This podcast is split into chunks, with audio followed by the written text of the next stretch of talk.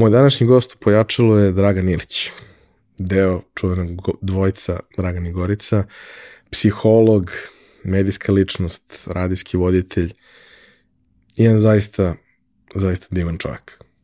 Pričali smo o njegovom životu, koji je veoma neobičan, njegovom putu koji je svakako jako nestandardan i pričali smo o tome šta je on naučio učeći psihologiju i kako je onda živeo u skladu sa tim što je naučio i kako je, slobodno mogu da kažem, ovaj svet svaki dan činio boljim mestom i dalje to radi. Ja sam jedan od onih kojima je veoma zahvalan na tom i siguran sam da među vama ima nas mnogo. A i oni koji zapravo ne znate šta radi i niste to sve pratili, poslušajte ovaj podcast jer ovo je možda jedna od najvažnijih epizoda koje sam snimio. Realizaciju ove epizode pojačala podržala je kompanija Epson. Epson je već više od 20 godina vodeći svetski proizvođač projektora i štampača za sve namene od onih kućnih do profesionalnih. Posebno vam skrećemo pažnju na aktualnu ponudu Epson Business štampača. Naime, ukoliko je došlo vreme da kupujete štampače za vaše poslovne potrebe ili da zanovite trenutnu flotu štampača koju imate, obavezno istražite koja to sve rešenja Epson nudi, jer pored zaista sjajnih štampača koji vam nude besprekoran kvalitet otiska, mnogo manju potrošnju električne energije, mnogo manje otpada generisanog u procesu, uz Epson rešenje uvek dobijete i celu paletu softvera koja se kod drugih proizvođača doplaćuje, a ovde dolazi besplatno za sve njihove korisnike. Za više informacija pogledajte businessprint.com, piše se onako kako se izgovara. Hvala vam. I imam još jednu važnu već za vas. Naime, od 1. maja sa krugom prijatelja radim na projektu naša mreža.rs. To je jedno jako zanimljivo mesto za svakog ko je preduzetnik ili razmišlja da to postane. Mesto gde svaki dan izlaze neki interesantni korisni tekstovi, a jednom nedeljno predstavljamo neki zanimljiv mali biznis. Takođe, svakog meseca radimo veliki intervju sa nekim od zanimljivih ljudi sa, sa ovog tržišta, nekim od ljudi koji su lideri u, u onome što rade, pa tako, evo, prvog meseca imamo Slavimira Stojanovića Futra. Uživajte, informišite se i pretplatite se na mailing listu ako su vam teme zanimljive, jer onda će vam svake nedelje stizati digest svega toga svakog ponedeljka na mail. Hvala vam. Za slučaj da želite da nas podržite vi individualno, uh, možete da posetite link u opisu podcasta na platformi Buy Me a Coffee i tu možete kupiti mesečnu pretplatu ili jednokratno donirati neki jednost koji želite. Hvala vam unapred na tom.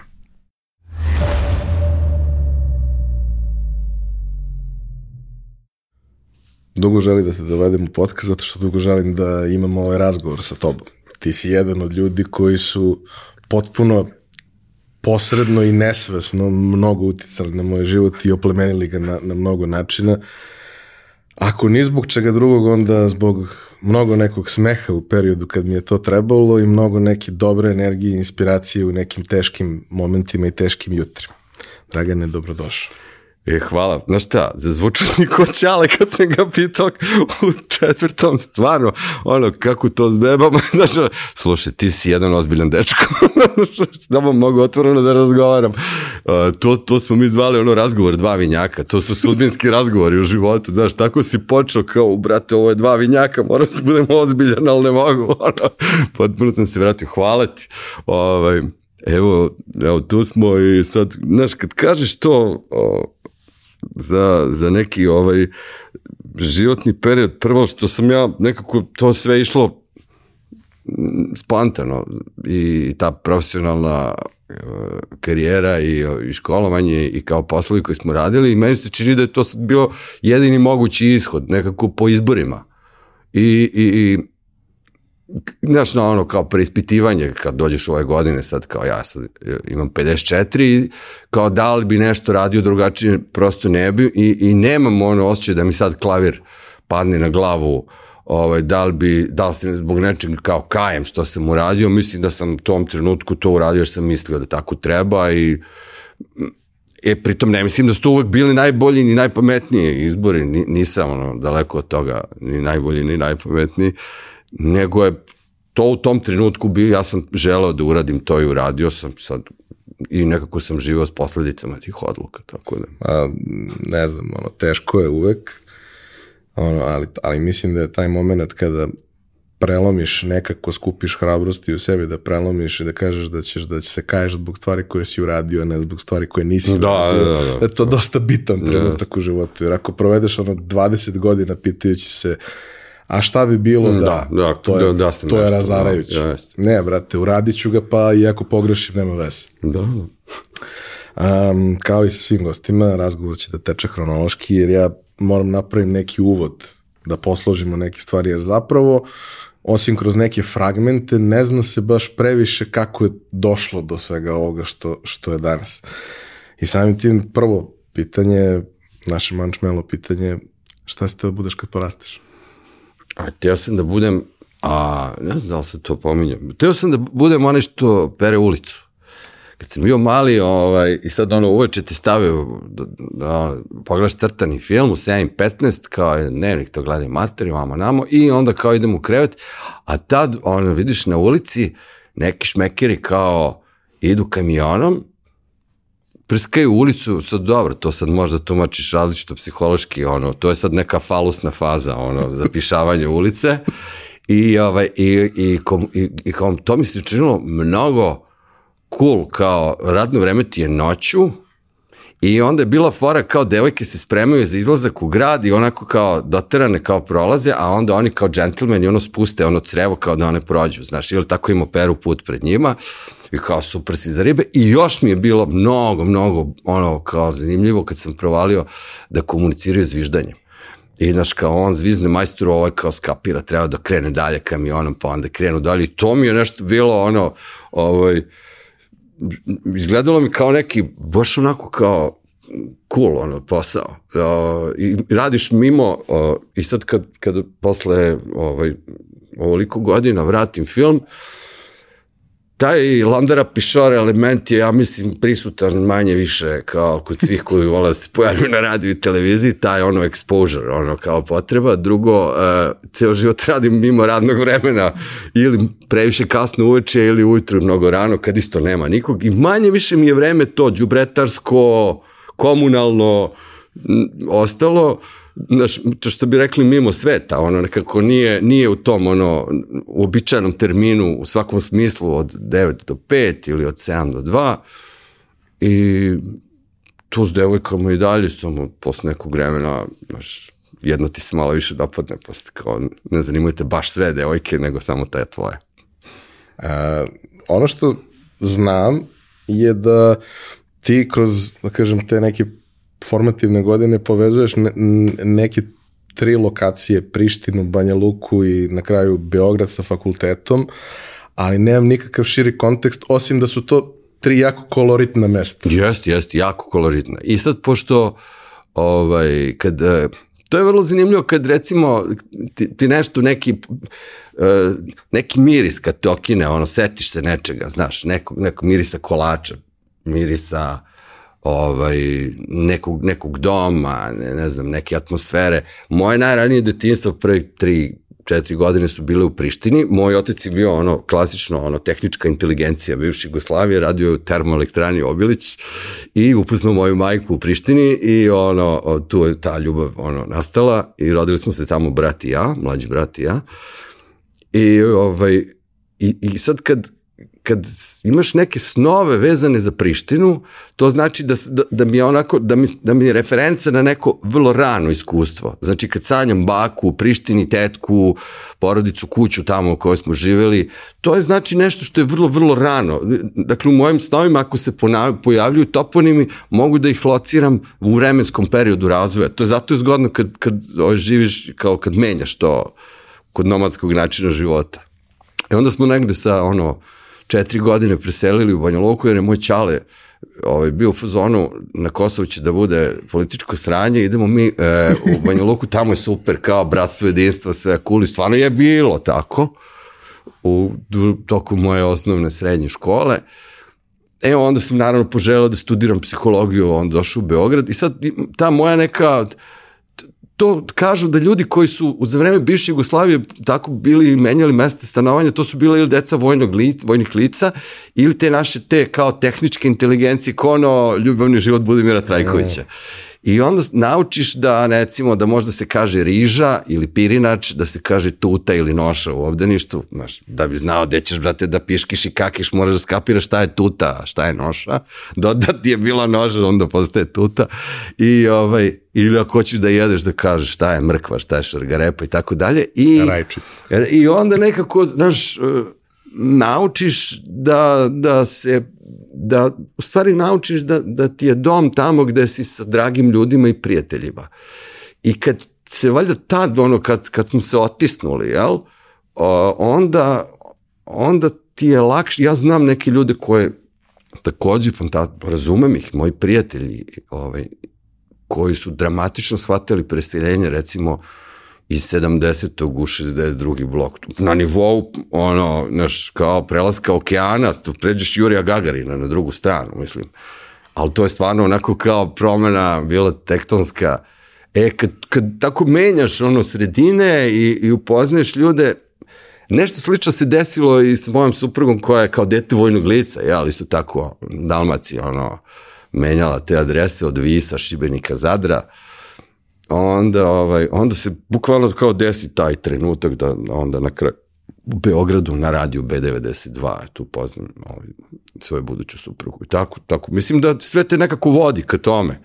I, ovaj, i naučiš da to da, da upoznaješ i da ti bude zanimljiva svaka nova sredina i kad negde putuješ ili kad negde prolaziš ovaj, pokušaš da razumeš ljude, da vidiš kao uh, kako oni žive, šta je, kako izgleda glavna ulica, kako izgleda, ranije to bilo ono, fotografska radnja u glavnoj ulici. Tako da, to su ono neki trenuci gde kao poznaješ tu novu sredinu. Moraš da se adaptiraš, da pokušaš da razumeš gde si došao. Inače, si onako, znaš, a s druge strane malo si apatrid, ono, onda, onda si orijentisan na to što, na, malo na, na svoje misli, svoje ovaj, um, planove i tako. Mislim, tako da ja, ja strašno volim, sad baš nedavno sam razmišljao, u Beogradu živim najduže, u Beogradu živim od 89 najduži period svog života. I mislim da, da zbog prijatelja, porodice, to trenutno moj grad, tako ga ja doživljavam. Ali sam živao i na različitim krajevima Beograda, znaš. Bilo mi je zanimljivo kad neki ljudi koji kao gledaju manijaka, slušaju radio, ono, kao, pa misle da sam iz Beograda, znaš, i onda kao da sam rođen tu, i onda pokušavaju da me lociraju, ono, po, po kraju, znaš. E, ti kao, jesi iz Fontane, e, kao, jesi išao Gundulić, kao, deca su mi išlo Gundulić, znaš, a znam taj kraj, živao sam tu, pa kao, živao sam i u paviljonima, ono, kao, znam i, ta, i tu priču, onda jedan studentski period, jedan dug period sam živeo na Slavi u, u Beogradskoj. Da, ovaj, tako da, da sam upoznao različite ono, krajevi, ekipe, bilo mi je zanimljivo da osetiš malo neku ono, sredinu. A na kraju na Novom Beogradu mi je najprijatnije m, mm, koja je, rekao, to je ono, m, mm, to je prostor u Beogradu gde vidiš horizont najveći. Meni, meni je prelep ono, Beograd i ovim starom delu grada, ali mi fali perspektiva, fali mi ono, da ti pukne pogled. Kao, a na Novom Beogradu to je, to je ono moguće. Bilo je moguće, sad malo se sad... Sad je sve manje moguće. Malo je, malo je sad krenuo taj pojačan urbanizam, ali opet kao imaš prostor. I ja mislim da je to važno i zbog ono, to ti je malo kao ono nova zemlja, ono, terra incognita. Tu su svi došli, kao, tu, tu smo svi neki apatri, niko nije, mislim, jeste rođeni, imaš sad generacije Beograđana, ali tu je sve još uvek dosta izmešano. I ja se sećam tog nekog perioda 89. 90. 91. druga, dok je Novi Beograd još uvijek bio relativno nov. Mm -hmm. U smislu, te zgrade su... Prva generacija onih što su se useli u zgrade prvi, pa Slovenci, Makedonci... Ali to su kao bila vojna lica, yes, ono, to je sve održavano, razni, to je ono, yes. travnjak ispred zgrade bio... Sad su, ja mislim, već unuci u tim stanovima. Da, i to više nije ono... Drugačije izgleda, jes. Ali kao, bilo je uvek ta priča kao ovi starog dela grada nikad nisu volili Novi Beograd i spavaonica, ono, meni je Novi Beograd bio prelep zato što je neko zapravo planirao, ok, imaš veće ili manje betonske zgrade, sve ok, ali između njih je uvek park. Yes. Između njih je uvek igralište i dečije i za one malo starije. I diler I, u parku. Dobro. Mislim, tako Ali izgleda. moment, Znaš, kao, uh, ja se sećam, u svakom, između svakog bloka zgrada, a bilo je nekoliko blokova u okviru jednog bloka, naravno, ti imaš brdašce za sankanje. Yes. I kao, ovde je sad gužva, ali 100 metara dalje je sledeći i tamo nije gužvo i ti ideš i sankaš se.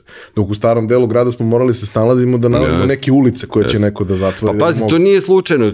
Ta ekipa koja je projektovala je mnogo, ono, za razliku od današnjih ovih Neymara, ovih zadužbinara, investitora, kako hoćeš, oni su stvarno razmišljali, ti sad imaš Beogradsku školu urbanizma koja je naj, mislim, zastup, najbolji primjeri su imaš Cerak, koji je ono isto posebna priča, kako je celo naselje pravljeno, ali na Novom Beogradu oni nisu pratili e, način arhitekture i razmišljanja životu, kao koji je, koji je bio u istočno-evropskim zemljama gde takođe imaš te kao ono projects, ono kao te, te blokove, njih, oni su bili inspirisani skandinavskim načinom ovaj, života, Mislim, mislim, mi smo imali Ike- Ikeu pre Ikea u smislu arhitekture, da bi se stvorila jedna mikro e, klima gde ćeš ti imati jedan mikroidentitet i to stvarno funkcioniše, znaš, kao to, kao zašto su i fontanjerosi, ovi iz paviljona, ovi tamo iz blokova, ovakvih i onakvih i, i oni uspeli su da ti sa svakom tom mikrosredinom dobiješ i neki mikroidentitet, jer ti si doveo ljude na pesak.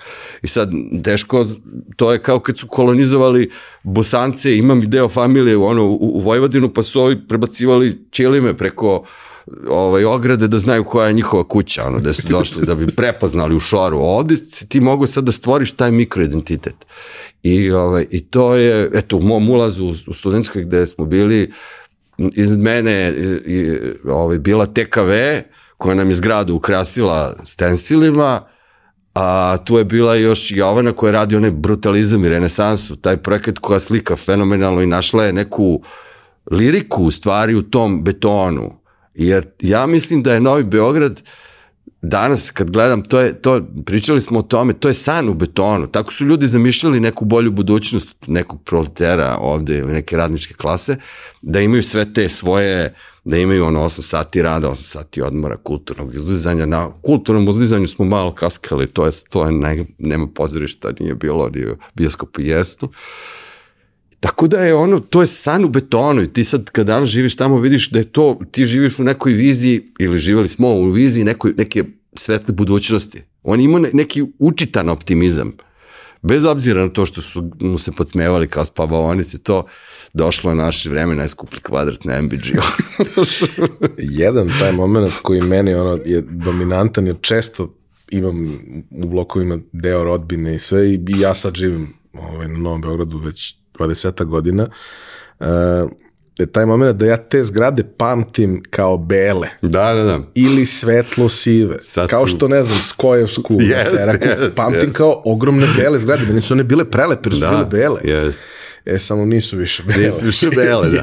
E, pa viš, to je zanimljivo, recimo, kad je, kad je, ja sam, recimo, pazi, to je sad ludilo, e, Edija Ramu, smo mi upoznali tako što je 90. godina on postao gradonačelnik Tirane i Darka Radosavljević, uradnica kulture ko- koja je mene pozvala da radim na 92. je radila s umetnicima iz regiona tada, mislim u sredu ono najmračnijeg perioda, ono 90-ih rata i svega Edi Rama je nama svima bio ovde zanimljiv, kao pojavio se lik, ko, to je bilo kao, kao da je recimo u Đu postao gradonačelnik Beograda i prva stvar koju on uradio, on je farbo te sive zgrade u Tirani, napravio deal sa nekom fabrikom boja i oni su krenuli da ih, ono, da ih farbuju crveno, zeleno i kao, u, ovaj lik ima nešto, kao, znaš, kao, oni su počeli da se menjaju, prva stvar koju je hteo da promeni, to je ta vizura, da, da im vrati tu boju u život.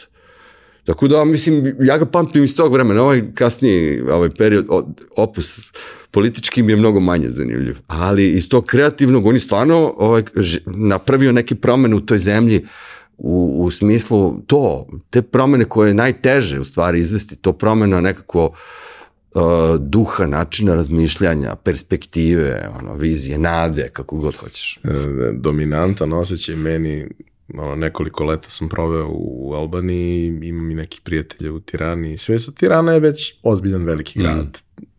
sa svim uh, traumama koje je ozbiljan veliki grad koji nije planski građan da. donosi, to znamo vrlo dobro, jel? Ovaj, ali kad izađeš iz, iz Tirane i kad kreneš malo južnije i sve ostalo, sad da, imaš nove puteve koji mm. su dobri i sve to.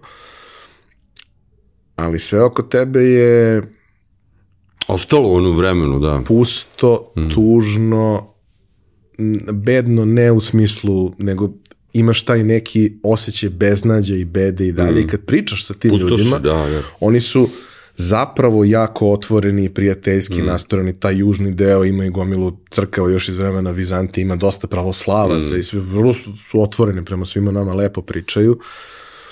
Oni kad pričaju o tome kolika su oni zapravo bili sirotinja pre mm. 30 godina, mi to ne možemo da pojmimo. Mislim, mi smo imali užasne periode, ali nekako jedna stvar je kad je to period koji mm. nekako na, na ludilo pobediš i, i prevaziđeš, a druga stvar je kad si se rodio u tome, živiš u tome godinama i nema nade da pa će da, da bude drugačije. Jest. E sad, nesreća naše generacije je to što se nama e, mnogo stvari desilo e, znači u, u mojim formativnim godinama ono adolescencije sam e, u 80. godina osjećalo se u vazduhu da će nešto da se desi, nismo baš bili sigurni šta. Ali prosto kao mislim, mene je zanimala punk muzika, ali ti se već tad imao ono, frku sa mladinom, sa, ne znam, ne znam, o nekim ono, građanskim pokretima, sa nekom ono, opozicijom, koja je uglavnom u to vreme dolazila iz oblasti kulture, što je bila naj, na, mislim, zlatnu doba, kao jer tad su nekako u opoziciji bili ljudi koji su bili književnici, pesnici, ne znam, slikari, Mislim, kad pomisliš da je vođa opozicije ovde bio Mića Popović, razumeš, ili Mihiz, ili, znaš, kao to su ljudi, ili, ne znam, sada ne nabrajam, Pekića i tako dalje. Znači, ovde su, ovde su ljudi koji su kao, želeli da promene nešto, dolazili iz krugova kulture i to vreme su čak I ovi iz SPS-a nekako cenili nekog kad dolazi iz tog miljeja, kao, iako je Sloba jednom svojom izjavom rekao da njemu reč akademika znači isto kao reč nekog ono, radnika ili seljaka, nije ni bitno, obraćali su pažnju. Znači, nekako se vrednovalo znanje, obrazovanje, kultura. E sad, ja mislim da je najveći udarac koji se desio to što, što danas toga više nema. Znači, sada prosto nema više težinu neko ko govori iz, iz, iz, tog, e, iz te vizure. Uh, I, i, I nama se desilo, smo mi gledali to propadanje, uh, propast Jugoslavije, uh, taj rat 90-ih, uh, tranziciju iz, uh, iz tog socijalizma u ono brutalni kapitalizam, taj ono uh, prvobitnu akumulaciju kapitala, Jer evo sad, juče sam se nešto šetao, ne znam, ovaj, onako, zaludan, pa kao idemo lepo šetnju, protežemo noge. Uh, imao sam kao uvek imaš neki cilj, to, to kažu, to dobro, moj mlađi brat je filozof i rekao je, ostavljam besciljne šetnje za penzionerske dane. Ja još uvek nominalno imam neki, kao, idemo nešto da uradimo, idem, idem po maslinovo ulje u Lidl, znaš, na Tošim bunar, nemam pojma. Samo ću malo Ali kao okolo. okolo. Znači, još uvek imam privid smisla, to, kad dođeš do tog trenutka da staviš ruke na guzicu i šetaš po Novom Beogradu, ušao si onaj, to je sad to je sad sledeći level, ono, jednog dana, ne znam, tuna. vidjet ćemo, da, da, da. Imaju italijani ime za te ljude, za ovih gljivice. Znaš oni što sede i kao, uvek imaš to, kao sede i gledaju, ali to je posebno nivo svesti, još nisam stigao dotle, taj zen. I gledam, prošao sam pored one fabrike, ovaj, industrije motora i traktora. I sad pogledaš, kao, već vidim ozbiljnu količinu stambenih, stambeno-poslovnog prostora tu i onda kad, i danas kad prođeš tu i vidiš one hale i sve ti kažeš čoče, ovde su ljudi pravili traktore koji su stizali do Indije, znaš, kao okej, okay, znaš, šta je dovelo do toga da ti i 2023. godine imaš taj kostur koji tu stoji, to ti kao neki ono nasukan kit na ovali koji trune, ono, 30 godina sa tim prividom, ono, kao kupili neki indusi pa će da obnove proizvodnju. Ne znam, ja čekaju pet godina i onda će da niknu zgrade. I ti vidiš da, da smo to sve prošli. Juče sam baš bio pod tim utiskom koliko ovakvih lešina bilo po bivšoj Jugoslaviji, a neko je na tome zaradio ogromne pare, u toj tranziciji. I nama je u toj priči ko je ko, ko je gori, ko je, ko je prvi počeo, ko je klao, ko nije. I sve vreme iza leđa neka ekipa to namrčila ono tih, te, nek, te nekretnine, kvadrate, građevinsko i drugo zemljište i kao naši nas pokrali samo tako i ti sad prolaziš i kažeš da, da, evo sad 2023.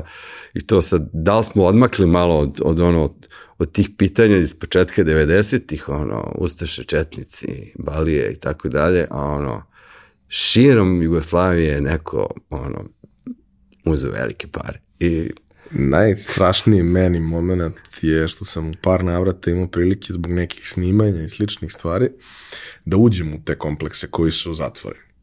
I sad, ok, ja se sećam kako je recimo to izgledalo u BIP-u, jer su moji Da, roditelji radili, tako je, da, pa se ja u, sećam i menze i svega. Tako je, mene kad je odveo moj drug Boban koji radi u tom marketingu u BIP, ja sam ono, višao sam ko da gledaš ono, znaš, ulaziš u, znaš, BIP je to Postrojenje za flaširanje, za Pa, je, pa me učio gledaš. Šurak ovaj koji je to studirao da na pivu prepoznaš koji je pogon. Ili Skadarlija, e, Mostar, Čačak ili ne znam koja je bila, Krnjač, negde. je do Sokove. E, Sokove. Znači, to kao, to tajno znanje, znaš, kao.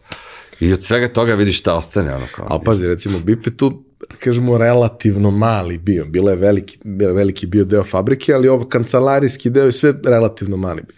I onda odeš tako u neki IMT i uđeš u svečanu salu sa 300 mesta, Da, da. sa foteljama koje izgledaju kao da su sad iz fabrike izašle, samo je 10 godina prašine, na, 30 godina prašine na njima.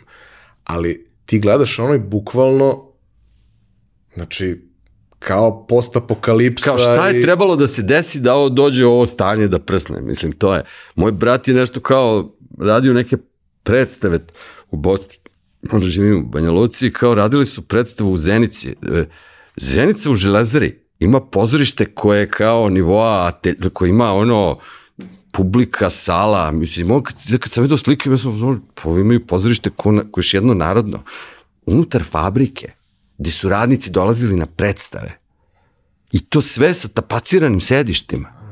I ti kažeš to, onda, moj, moj otac je ta generacija koja je stvarno to kao dizu zemlju. I sad kad pomisliš, oni su napravili termoelektranu Kosovo A i B, koja je ono davala struju ne za Srbiju, nego pola, gostovi pola Evrope. Onda odatle Rudi Čajevac, firma koja je bila u jednom trenutku, ja mislim, 15-16 hiljada zaposlenih, koja je pravila gitarska pojačala što smo nabavljali za bend, televizore, pacemakere i naravno sve ono vojno što se izvozilo na Bliski istok i nesvrstanoj braći, ali mene on kad je rekao da, su, da, da, da je jedne godine u onim aranžmanima, da, njihov, da, njihov, ono, da su to bili ugovori vredni par milijardi dolara, to ti je kao godišnji prihod sad u Srbiji investicija.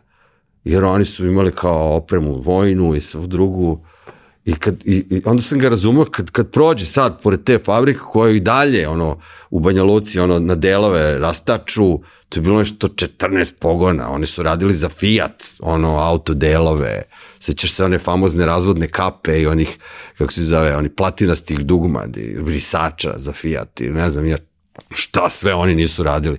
I onda, znaš, meni je zanimljivo da je moj čale kao socijalistički biznismen, mašinski inženjer, odlazio i, raz, ono, znaš, šta, oni kao razgovaraju sa bijelim dugmetom, da bijelo dugme na turneji stavi par ono čajavačkih pojačala. Mislim, oni sviraju na maršala, ali stoji im par čajki, ono kobajagi kao sviramo na čajavačkim pojačalima. Čajavačka pojačala su, zahvaljujući ča, čajavačkim pojačalima i bili su Riz Zagreb, je nastala ono kao alternativna punk muzika u ovoj zemlji, jer si ti mogu da kupiš ovde gitare, melodija, mengeš, takton, bubnjeve i pojačala Riz Zagreb i Rudi Čajevac. Kao čoč, ti si mogu u Beograđanku da odeš i kao uštediš ono za bend.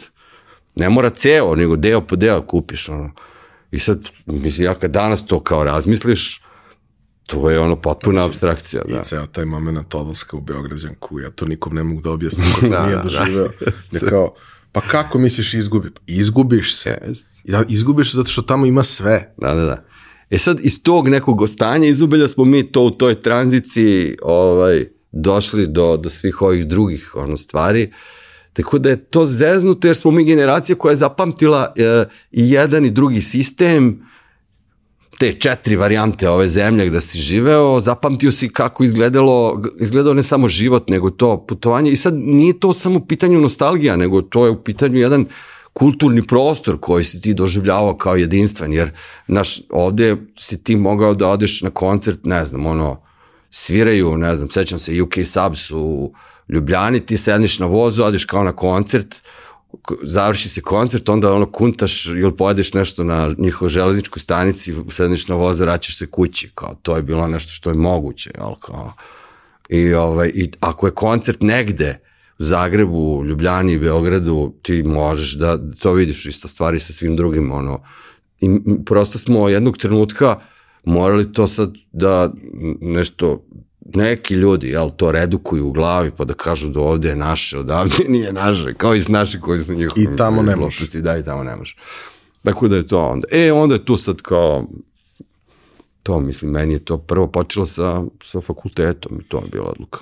I to mi, volao bi da negde objasniš kako si došao uopšte do toga da hoćeš da studiraš psihologiju, kako se to iskristalisalo, kad si to skapirao i zašto? Pa ja sam skapirao relativno brzo u srednjoj školi, ali na moju nesreću je to doba usmerenog obrazovanja, ono, kad više nisi imao onu klasičnu gimnaziju, nego ja sam završio elektrotehničku školu za, za uf, čače, to je zanimanje iz onog šuvarovog vremena. Elektroničar, tehničar za računarsku tehniku i automatiku, znaš, ono.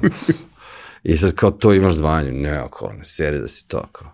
I, ovaj, I onda ti iz toga valjda sledi ono kao elektrotehnički fakultet i to i neki moji prijatelji su i, ono, išli tom, tom putanjom. Mm, a ja sam ono kao mene to kao viš, mnogo više zanimao taj ovaj društveni deo. I ja sam s tom diplomom ovaj, čak i, mislim da sam jednu godinu, jer sam morao da upišeš fakultet pre vojske, ono, sam jednu godinu i završio tamo ovaj, na elektrotehnici i onda donao papire ovde i sećam se, ova naša bila je fenomenalna sekretarica na psihologiji, na filozofskom, kad sam donao papire i ona za prijemni i položio da se upišeš ono za indeks.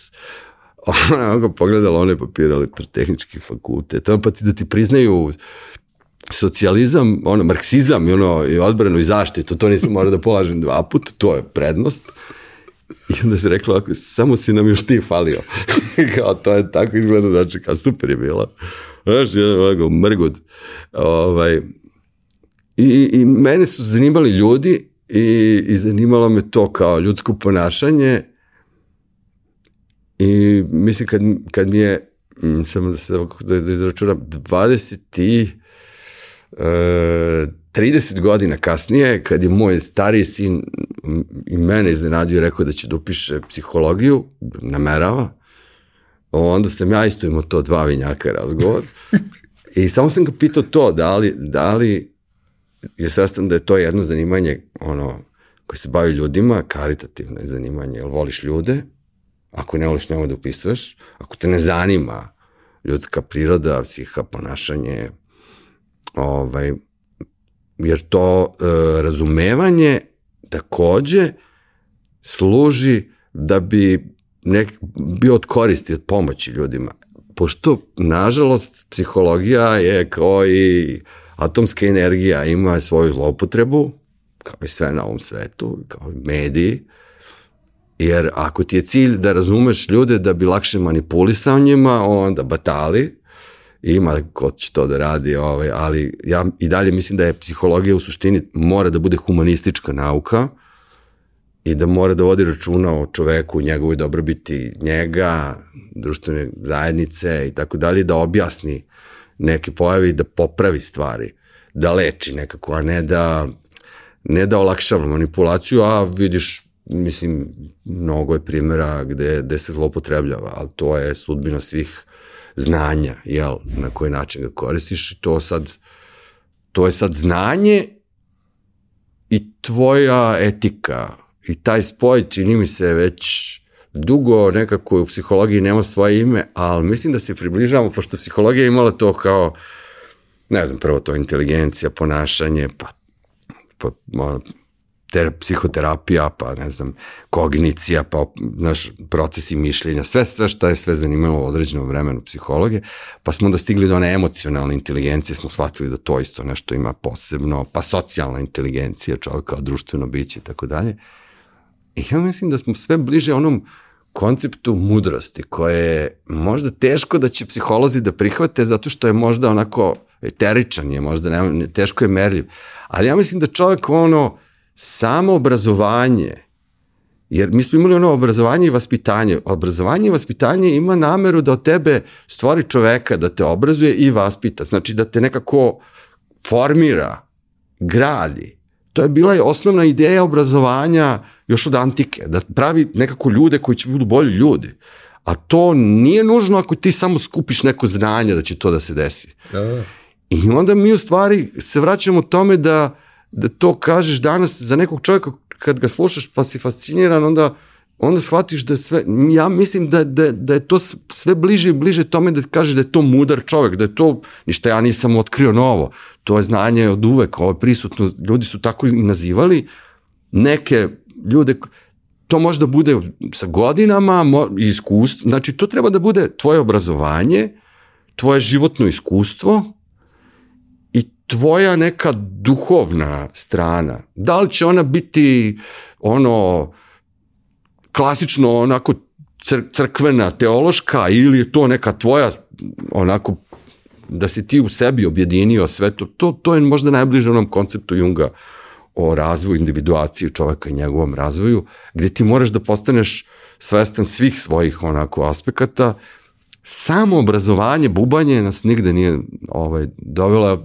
mislim, savremena civilizacija to pokazuje da to nije dovoljno da tebe, ovaj, da te suštinski promeni. Treba još nešto. Pa, mislim... I to je u stvari bila i meni, meni ideja. Ja sam s tom idejom otišao na studije psihologije. Za mene to bila nekako sveobuhvatna priča koja je vezana i za, jer psihologija malo pola riba, pola devojka, ima i prirodni društveni ovaj, aspekt kao nauka, ima onaj deo koji, koji je i biologija i statistika i koji predviđa, ali ima i nešto što je, što dolazi iz filozofije, iz teologije, iz religije, iz e, neke naše, iz ku, ku, ku, mislim, etnologije, na kraju antropologije, sve su to stvari koje nisu toj meri merljive iz književnosti i umetnosti takođe. I sad tek kao kad, kad dobiješ neku širu sliku, onda, onda, ovaj, onda možda možeš da razumeš nešto što se dešava sa nekim čovekom, društvenom grupom, društvom, tako. I to mi je bila nekako namera. I kad sam moja babi u, u, u, u Bosni, u Dabru, dok je bila živa, baba Mara, me pitala kao, sine, šta ti si to pisao, kažem, psihologiju, i kao, šta ti je to? I sad ja kažem, ono, pa to, sad ja ovako njoj pričam, pričam, pričam, bla, bla, bla, ovaj, On kaže, pa to je isto, kaže, pa to ti je ko pop, samo nemaš mantiju, je li tako? Rekao, pa jeste, to je to. Mislim, da razumeš ljude, kao da im nekako pomogneš. A, ti studiraš u trenutku koji je izuzetno komplikovan. Pa to je uvek za psihologiju, mislim... Kaže, imao si materijal. Da, da, uvek je ovako. Ali kako je bilo, kako je bilo studirati i kada uzmeš u obzir u kom vremenskom razdoblju se to dešava, da, 90. a i drugo, kako, kako u odnosu na tvoje očekivanje i želje šta ćeš tamo dobiti, šta si zapravo dobio? Koliko si ti na neki način bio zadovoljan ispunio ta neka svoja očekivanja koje si imao od, od fakulteta? Pa dobro, ja sam stvarno nekako došao na taj fakultet sa jednim strahopoštovanjem za, za tu tradiciju koju on imao, prvenstveno mislim na praksis, na ono, ono tu, na, mislim trenutke kad je i, i, i naša filozofija imala te kao najveće uzlete, to je onaj deo kažem, koji je suštinski, humanistički, pa da kažem i levičarski i ta priča o socijalnoj pravdi, o kao o, o, o spoju teorije prakse tog, što bi rekli danas ono mladi Marks, ovaj, i, i jedna kritička, ali možda pre svega jedna kritička svest koja se razvijala kod studenta. I ja sam preko svojih profesora iz ta, tada, iz, iz te generacije, osetio, preneli su na nas, osim znanja i tu, i tu energiju, to je taj drago mi je što danas ljudi koji tamo rade, to sad, to su moje, iz moje generacije, su nastavili to i osjećam da, da i dalje ima, da je to jedno mesto gde se i dalje onako živ, živa je ono polemička ta ovaj, svest i da, i da se ta neka iskrica kritička ili pobune koja neguje još nekad je jača, nekad slabija, na to fakultetu je, su nikle i ove, ne znam, kako kažem, desničarske organizacije poput Dveri i tako dalje, to je isto bilo mesto gde se ovaj, i ta struja koja je bila više vezana za istoriju i ovaj, ovaj, razvijala, ali smo mi nekako, fakultet je to mesto gde, gde, gde treba da sučeljavaš stavove i da raspravljaš u neko, jer od toga zavisi budućnost ove zemlje, to je sad neka, kažem, tu obrazujemo intelektualnu neku budućnost Srbije. Mislim, ja sam bio na generaciji s Jovom Bakićem, zajedno smo fizičko radili, ono, znaš, pošto nema baš puno dečaka, onda svi zajedno radimo fizičko. ovaj, i, I to sam dobio, ali sam dobio u jednom vrlo mračnom periodu, kao što si rekao, za, za društvo, i onda je, on, onda smo mi recimo, gledali u tom rastakanju ono, tih svih ono institucija, sistema vrednosti, mi smo mogli, mi smo gledali to kao jedan ono eksperiment in vivo koji, koji bi u svakoj zemlji bio nedopustiv, znaš, jer kao utiče na ispitanike, mi smo gledali kako se ta patologija stvara, ta društvena patologija i tu sam onako i dobio nekako interes za tu socijalnu patologiju u različitim formama, jel? I, ali isto tako i onda sam imao jedan neprijatan susret s realnošću e, tokom vrlo, vrlo kvalitetne prakse u Palmutićevoj ulici ovaj, u, i u, u institutu za mentalno zdravlje, a to je da postaneš svestan istinitosti one činjenice Freudove da, da ne može da se radi terapija s gladnim čovekom i da je potrebna neka vrsta ono, opet Marks, ono, materijalna baza pa duhovna nadgradnja. I da je, da, i, i to je bio jedan trenutak da sam trebao da odlučim da li ću ostati na 92 dvojici gde u to vreme, kao već smo počeli da radimo, ovaj, i, i u to vreme psiholog nije baš mnogo mogao da pomogne u Palmotićevoj, sećam se perioda kada i ovi na, u bolnici u dnevnoj nisu imali lekove pa su vezivali pacijente, nije bilo lekova za smirenje, kao prosto nema kao ono, sankcije.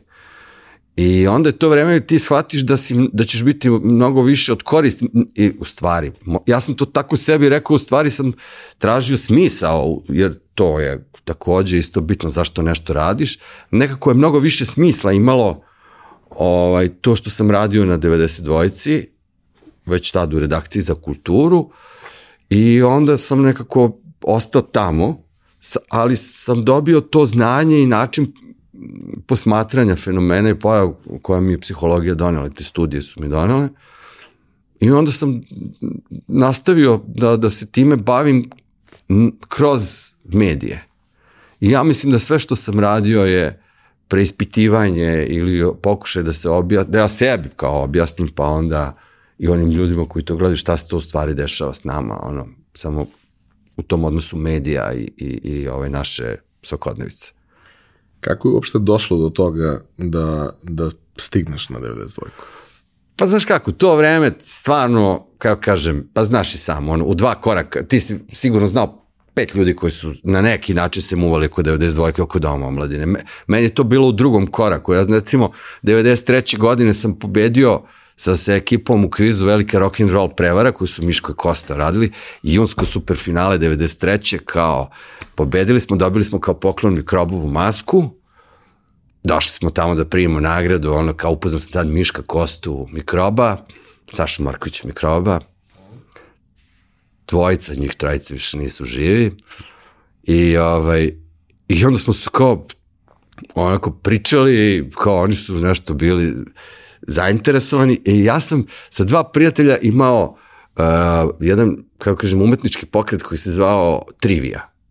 Mi smo pokušali u tom trenutku kroz umetničke projekte, izložbe, da, 93. godina, e, pisali smo svi kao e, e, mladi autori u časopisu New Moment, u kom su bili, mislim, Branko Vučićević, Tirke, mislim, to je bila onako baš prva postava.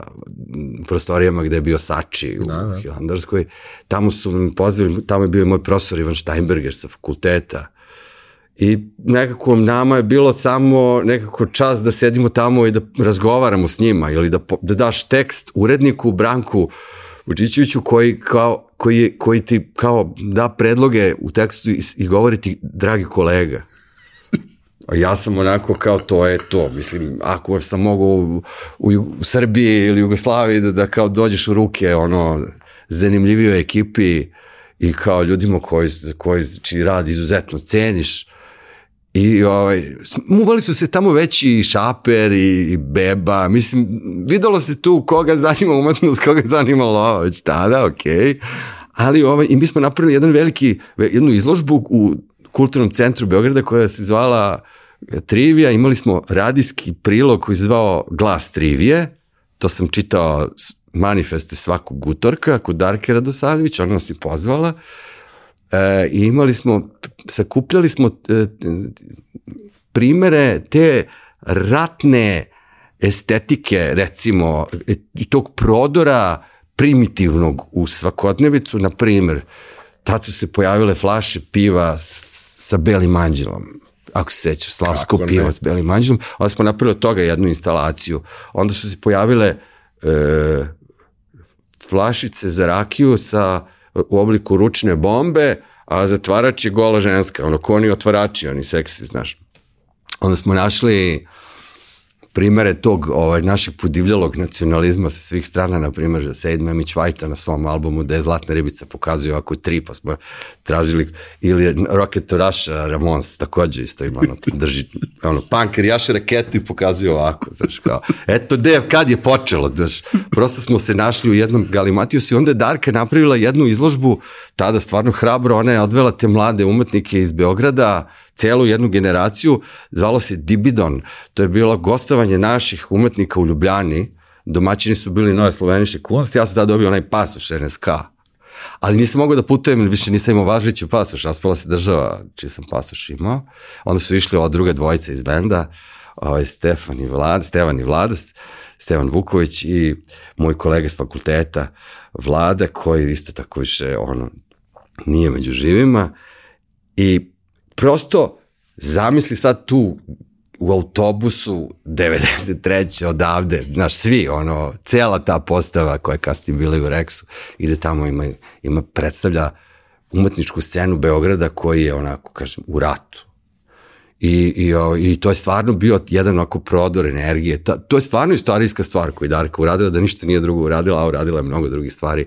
To je bio stvarno trenutak kad su oni shvatili da, da ovde ključa, da ovde ljudi stvarno nekako i u tom najgorem vremenu kroz umetničke ovaj, kreacije pokušavaju da se izbore sa smislom ili bez smislom. I onda tu kao redakcija za kulturu, e, tako, od 93. kasno, kraja godine sam tu na 92. ostao, onda sam radio u redakciji, pa onda ono kao urednik redakcije za kulturu, pa ne znam, jutarnjeg programa, pa sve dalje, onda TV Manjak 96. 97. Pa smo radili ovaj, te večernje emisije o domaćoj muzici koja je radila pre mene isto Živana. Pisao sam recenzije za domaće izdanje, to mi je bilo fantastično jer mi je ona bila šefica.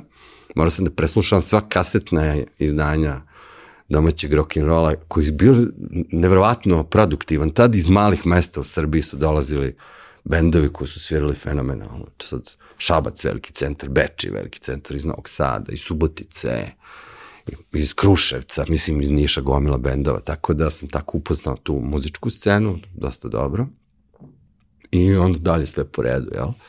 Ali je ovaj, ali taj dolazak nekako bio logičan jer, jer smo mi samo iz Hilandarske prešli u dom omladine vazdušnom linijom, ono, par stotina metara nekoliko ljudi je pričalo o tome i, i o Sačiju i o tome šta se dešavalo na, na 92-ci. Pa pazi, neki... izvini, sad kad je bila godišnica Sačija, nju momenta, stvari bio rođendan i tamo sam sreo Rosu, on je napisao jedan tekst koji je ono, možda dobro opisao situaciju, kad malo vratim film možda jeste, on je ono, on je rekao ako je postojalo to 90-ih ono, ono, Manhattan, ono, man, ono, kao u Srbiji to je bilo tu, kao jer tu su stvarno dolazili ljudi koji su bili kreativni, ali na nekakav drugačiji ili nov način, sa razumevanjem i novih medija i marketinga i uopšte, i sad, mislim, jedan primer koji danas ne zamisli, Znači, tad je, recimo,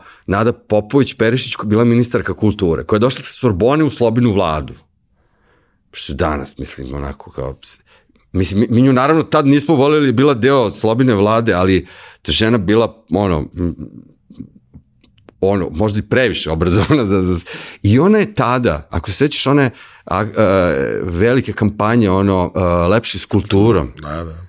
Ona je došla i tu kampanju donela u Sači da oni to rade.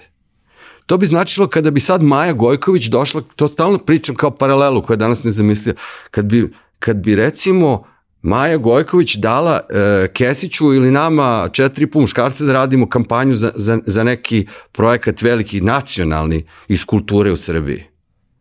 I, i sećam se, posle sam i predavao na fakultetu za medije i komunikaciju, analizu medija i onda sam pitao Nadu, rekao, Nadu, jesi ti imala zbog toga frku?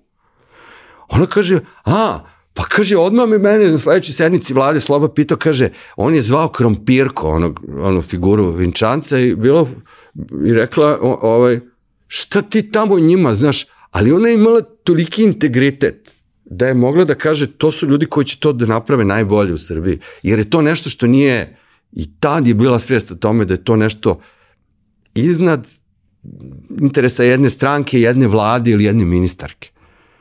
To danas, ja mislim, da je nezamislivo.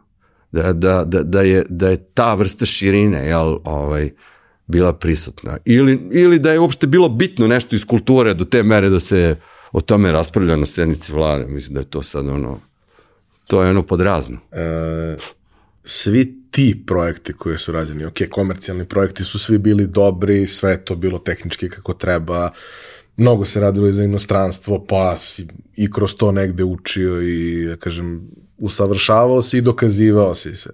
Ali ti projekti, ti koji nisu klasični komercijalni Aha, projekti jasno. za ono nekog šta god, ono, prašak za veš. Znači, ti projekti su bili neverovatni te da, da. stvari pamtiš 25 godina kasnije. Jeste, jeste. Znaš, kao, ja, ja i dan danas mogu da zamislim svaku od onih, onih spotova i svega što je išlo uz mm -hmm. lepše sa kulturom i da je nekom palo na pamet da krompirko, znači ostaće krompirko za uvek, ovaj, da priča u tom trenutku. Yes. Znaš kao, jer Mislim, ja mislim da to meni dosta, da, to, to je meni dosta pomoglo u, kao u, u, u shvatanju ono, uh, koliko je važno da nađeš način da od to što nameravaš da kažeš, kažeš u formi koju će ljudi razumeti.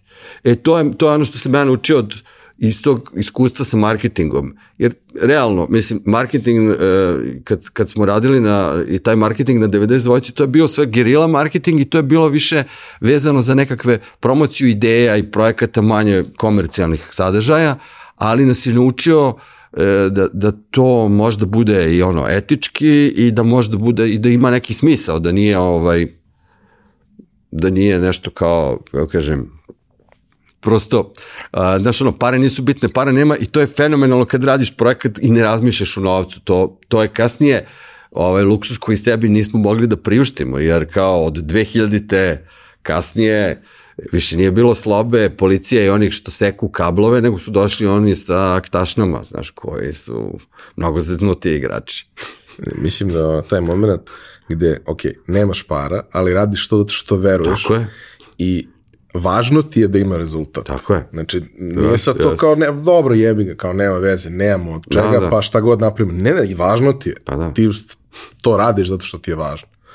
E sad, taj ceo sistem pre nego što je došla televizija. Mm. Televizija je, mislim, baš onako veliki switch, ali ti si proveo godine u tom sistemu i pre nego što se to desilo i menjao si pozicije, kažeš sam. Mm kako si ih menjao, šta ti je to donosilo, šta ti je davalo, koliko si se ti tu šetao, a koliko je to bilo neko proviđenje neko ko je rekao ajde sad da probaš. Ono što je najlepše od svega što sam radio, samo ono što me zanimalo. Ovaj, i, I što je isto jedan luksuz, i, a s druge strane, bilo je toliko jedna kreativna atmosfera, ovaj, malo anarhična, ali, ovaj, ali to nekako bilo još dodatni element i sad o, Znači, ti si, ja sam u svakom trenutku imao ono, tri ideje za tri različite emisije u glavi. I samo je bilo pitanje koju ćemo sad da, da realizujemo. Da li imamo ljude, resurse, vreme i kako, ovaj, u programu gde, gde bi to bilo. I, ali je važno da je to sad išlo nekako, uh, išlo je korak po korak. Uh, I ja sam tu prošao sve ono stavke, nije bilo, pres, to je važno, nije bilo preskakanja, znaš, Meni je bilo recimo fantastično što sam sa Motorolom 96. i 97. radio proteste kao reporter s ulice. E, to mi je bilo fantastično. Imaš, imaš onu, onu Motorolu sa onom nalepnicom B92 i pratiš šetnje. I pored ide Kec, onaj i, i uključuje svoju na našoj frekvenciji kao i, i, i drnda mi čeka se ja uključujem, a slušaju 92-ku. I kad ja pričam, onda me oni drndaju, ono, kao, onda ja otrčim, des met, oni idu za mnom, ono, kao da mi furiju smetnje, mislim, to, to tako izgleda. ovaj, I prosto naučiš da budeš reporter, naučiš kao kako funkcioniše jedan ono radio, naučiš prosto prođeš sve te kao pa onda kao urednik postaješ kad si ne najstariji nego kad imaš najviše iskustva i to te nešto naročito ne izdvaja od ljudi sa kojima radiš. Ovaj, to je često bila više obaveza nego privilegija, uglavnom više obaveza. I, i I onda nešto da praviš stvari ovi, onako, znaš. Znaš, da su, da su to dobijeli ovi odgovorniji. ne, da, da, da, kao odgovorni, da, ovi što može, što, da, sad kad pomisliš da smo mi napravili jutarnji program koji je počinjao u 10 ili 11 ujutru i kao mi kao dobro jutro i ovi svi, da izvineš ono pizde penzioneri, kakvo bre je jutro 11 sati, kao, znaš, a mi nismo mogli ranije jer kao od 10 do 11 snimaju reklame i onda kao na radiju oni snimaju reklame i brzo moraju da završe da se ne pregreje mikseta pa da mi kao krenemo s program. Znači to sad ono stvari koje ti sad ne možeš da objašnjavaš ljudima, ali kao ne može ranije. Tako da, ali ili ne znam, veče pre toga čekaš onu listu na MTV-u da se snime ono nove pesme i to na VHS, jer kao to kad snimaš audio na VHS to je super kvalitet i sad kao imaš ono, sećam se, čekamo ono Nirvana, ono Unplugged, ono, to je tako snimljeno i pušteno na 92 sa klasična piraterija i onda nam taj MTV kao da nagradu. Tako da, mislim, to je stvarno vreme kad, kad, kad je tolika energija bila da ti se čini da je sve bilo moguće i da je to sad kao, to je, to je stvarno neka energija koja je imala, naravno, sad, ovo stvarno ne treba da zvuči sad u ovom trenutku ću da stanem ono da ne bude kao ono during the war partizanske priče, ono prezirim te prvoboračke, ovaj, nikakve zasluge, ništa ne, ne, ne očekujem, nego nego je to sad kao bila jedna pozitivna energija i kažem da je bilo mnogo više od programa. To što sam kažeš, ono, u dva koraka, bilo da je neko objavljivo muziku, da je, znaš, gomila bendova je kao tu prošla kroz emisiju, Fleka imao svoju, sa Šišmiš radio, što je bio, čini mi se nekako, to je bilo ono kao srce 92, kako bih hteo da kažem, svi smo mi znali da je kao taj ono čovjek dođe, a to je nevjerovatno zato što je to jedna emisija nedeljno. I ti kad čuješ to ovaj, njegovu emisiju uveče, ti shvatiš da je to sve ono što smo mi radili tokom cijele nedelje komprimovano u jednu onako kao uf, grudvu, ono kao od katrana ono, u facu i to možda počne samo u ponoć i sa muzikom kako, kako je išla i to je to. Fleka je bio nekako, znaš, kao u Batmanu, ono, on je, ono, znaš, kao, kao Gotham, ono, fenomenalno, šta je Šišmiš radio. I, i, i to je naravno imalo i svoje na, na, ono, pogrešne stvari. Nešto što je meni smetalo jeste taj povremeno hermetizam, autizam, to taj e, utisak da, da, da kao nekog ovaj, ja sam želeo da, da program ne zvuči tako kao što imaš kao su, ekipu ljudi koja se super zeza, ali nekako niko drugi ne može da dođe u to društvo. To, to je bila velika greška. Ta neka vrsta, ne znam, elitizma koja je bila upravo suprotna tom populizmu opšte vladajućem, pa je onda otišla u drugu krajnost. Eto, i, ja sam toga bio svestan, to je nešto što je meni smetalo, zato smo recimo Gorica i ja pokrenuli one turneje. Da nekako izađemo iz studija i da odemo po Srbiji. Sad, nisu baš svi bili spremni za to vrstu, kažem, komunikacije ili otvaranja ka drugim ljudima, drugim gradovima. Prosto malo da, da se izađe iz, iz nekog onog što zovu krug dvojke, jel, to je ono što su spočitavali, jel, 92. Sad mi je jako čudno, zato što i dalje imaš taj, tu frekvenciju koja izgleda kao zombi, ono, naš iskupani leš koji, ono, ima taj znak, zato što je neverovatno. A, ovaj, a s druge strane, Uh, predsednik, imam utisak, predsednik Vučić, evo, pre nek, par nedelja, 15. maja, ovaj, rođendan 92. koji smo slavili, i Goričin rođendan. I, ovaj, I to je onda, znaš, ono, vereno drži govor i onda se posvi napiju i kao super je zezadje, samo je bilo pitanje gde ćemo da pravimo to kao žurku. I, i sećam se koliko, odnosno, koliko nam je bilo bitno što i taj, ti panduri što su išli za mnom kolima su slušali 92. Ovi su svi u vladi slušali, mora, mislim, meni je bilo fantastično što su ovi koji su po dužnosti slušali 92 jer ih je zanimalo šta, kao šta mi pričamo, ono šta govori opozicija, šta. I sad ti možeš misliti muku nekog slobinog, ono, ili ne znam, već u nekim službama, ono, gde se to slušalo, koji su morali da slušaju muziku. Oni su to nam posli rekli. kao majko, majko. E, to je ona, to je, to je odigrao Božović u, u Crnom bombarderu. To su opasne frekvencije, ali to je istina, to, to, to, to je autentično. Ja sam sreo ljude, sreo sam čoveka mnogo, mnogo kasnije, 20 godina kasnije, koji mi je rekao, je, kao, stvari, ja se bavim tom instaliranjem ove, a, ove emisione tehnike, kaže, ja sam, ja sam pravio smetnje. Ja, to, ja sam to radio. Kao, jebika. A, Izvin. Znaš, ali to je bilo recimo već 2000 15. 16. ne, ne sađam, mnogo, mnogo kasnije. Kaže, ti si voda u kablu. Kaže, ma ne, to voda u kablu, to je tako se, znaš, ono, postaviš predajnik sa istom frekvencijom, baciš šum, drndaš, onako. I kažem, pa dobro, mislim, to pa kaže, je. Znaš, ono, i to ti ono, ej, jebik. pa mislim da je mnogo ljudi ovaj, u, na ovim prostorima u prethodnih 30 godina nekoliko puta sebi reklo za takve stvari je jebik. Ja. Ovaj, Kako se priča uozbiljava, odnosno kako izgleda iznutra taj trenutak kad shvatate da ok, ovo više nije vesela komuna, nego će ovo sad da postane nešto ozbiljno i mi sad moramo svi da budemo odgovorni i sve što uz to ide i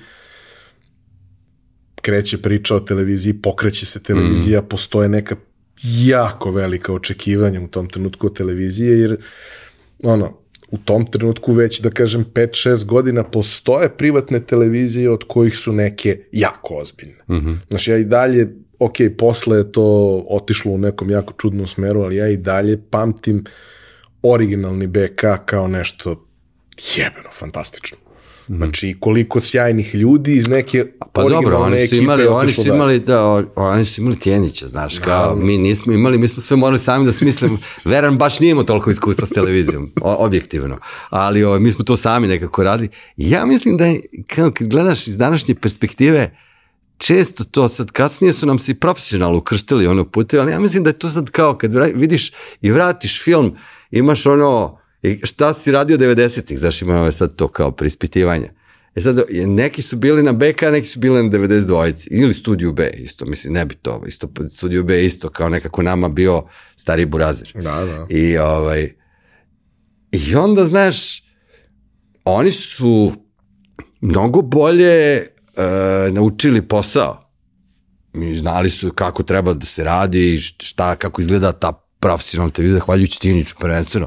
Posle sam se uverio da je to Tijanić, da je to njegova ovaj, posljedka, jer sam imao priliku da ga upoznam, što isto bilo jako čudno. Nisam znao kako da se prvi put kad smo došli u kontakt, šta, kako da pričam s tim čovekom. Mi smo bili to na nekim različitim stranama u jednom trenutku. A i on je onako ovaj, dosta bio neobičan. Da, ali on je, ja sam bio iznenađen lakoćom kako smo komunicirali kako smo se skapirali. On je nas pozvao kasnije na Radio Beograd.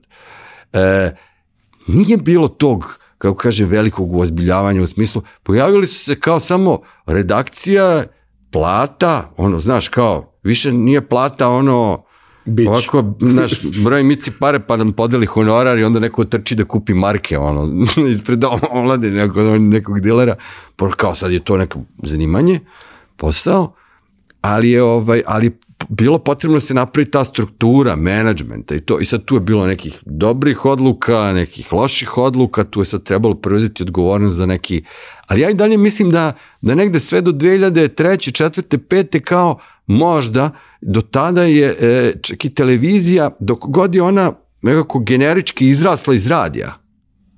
Jer mi smo prvi koji su e, gde, zahvaljujući nekim savjetima, priznajem i sa BBC-a, objedinjavanje te tri platforme radija, sajta B92 da, koji je bio da. izuzetno, onako, to nikako ne treba zaboraviti, to je bio kao vrhunski sajt, vrlo, vrlo... Najčitaniji. Naj, da, naj, najposećeniji sajt ovde i televizija i ta, to umrežavanje, ta tri medije prvi put profunkcionisalo upravo na 92-ci. To je, to je bilo neka naša vrednost, gde smo mi mogli bukvalno da tu sad kao, to što, što je danas nekako uobičajeno, to, to, to je tad bilo stvarno onako, počeo toga da, da neko stavi kamere i prenosi sliku iz studija, imamo prenos iz jutarnjih programa koji radimo u Gorice, onakvi, ono, zarozani, musavi, Ovaj, a ideja je bila, ajde u to vreme su išle one prirodnjačke emisije, uvek smo se zezali da je veran, bilo je mnogo seksa u tim prirodnjačkim emisijama, malo, malo pa si neki majmuni pare ili gazele ili to, pa kao aj bolje mi nešto da pričamo.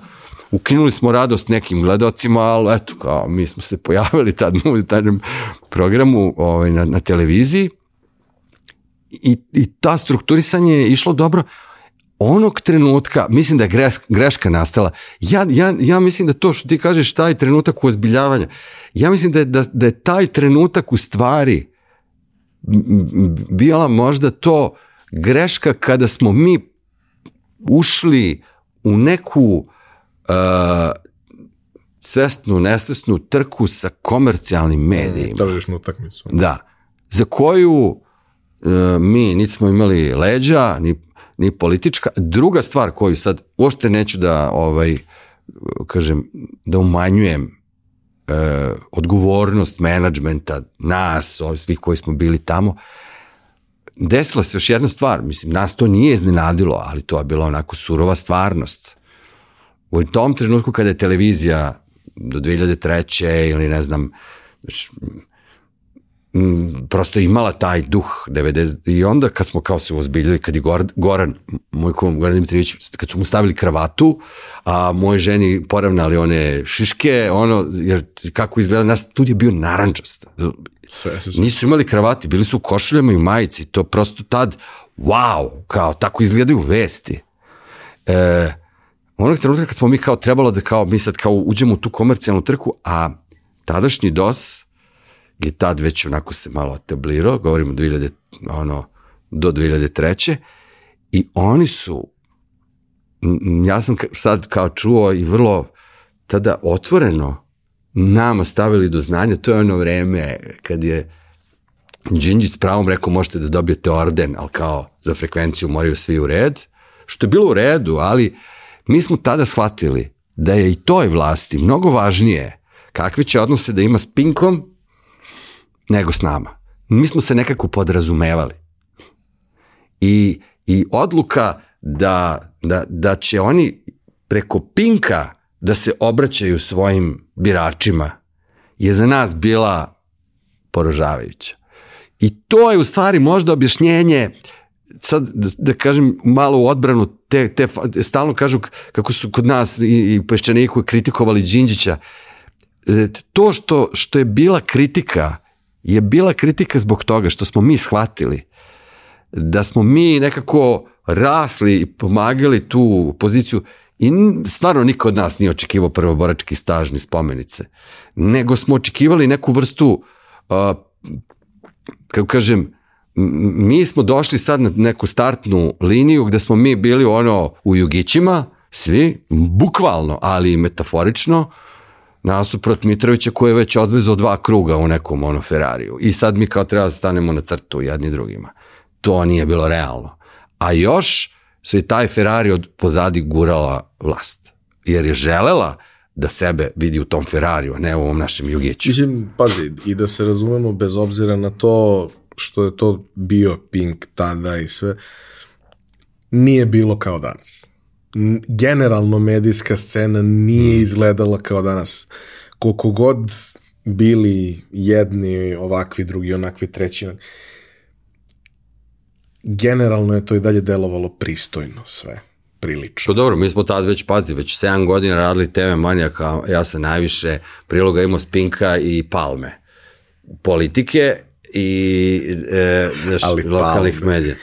E, znači, e, samo da ti podsjetim, to je vreme kad je i Pink je znači mene, i mene fascinira brzina transformacije Željka Mitrovića i sad ja kad god razgovaramo s ljudima koji sad, ne, ne bi sad baš stvarno da rušim sneška ljudima, ali ja znam da ukoliko to, to sam gledao ono kao svojim očima, znači e, prava promjena će se desiti onda kada recimo na sledećoj promjeni vlasti Pink koji je bio uz Borisa Tadića i uz demokratsku stranku dok su bili na vlasti, tada im je Vesić bio sve i svja dok je bio u demokratskoj stranci, on, je, on se hvalio da uređuje njima program i tako. I kad je došlo do promene, one su se ono odmah privo... Plašim se da će u sledećoj nekoj promeni ljubimac vlasti uvek biti taj koji je ono, kako kažem, propagandista, a neko dolazi sa nekom kritičnom, jer pazi, sad, sad zamisli ti sad situaciju DOS-a.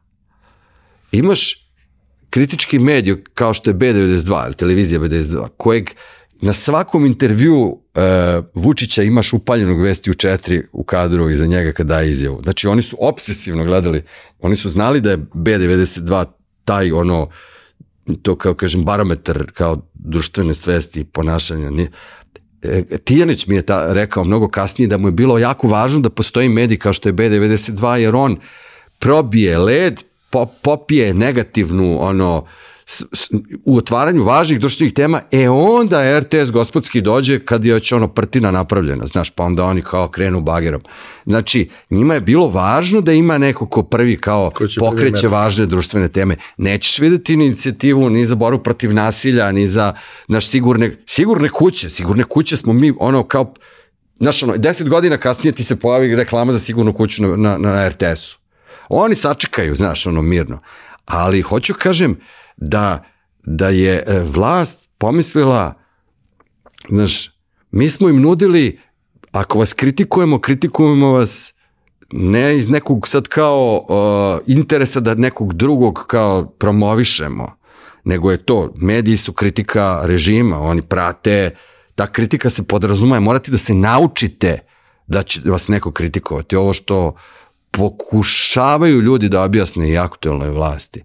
Znači, prirodno je da morate da shvatite da ćete, vi ste tu, vaša odgovornost je najveća.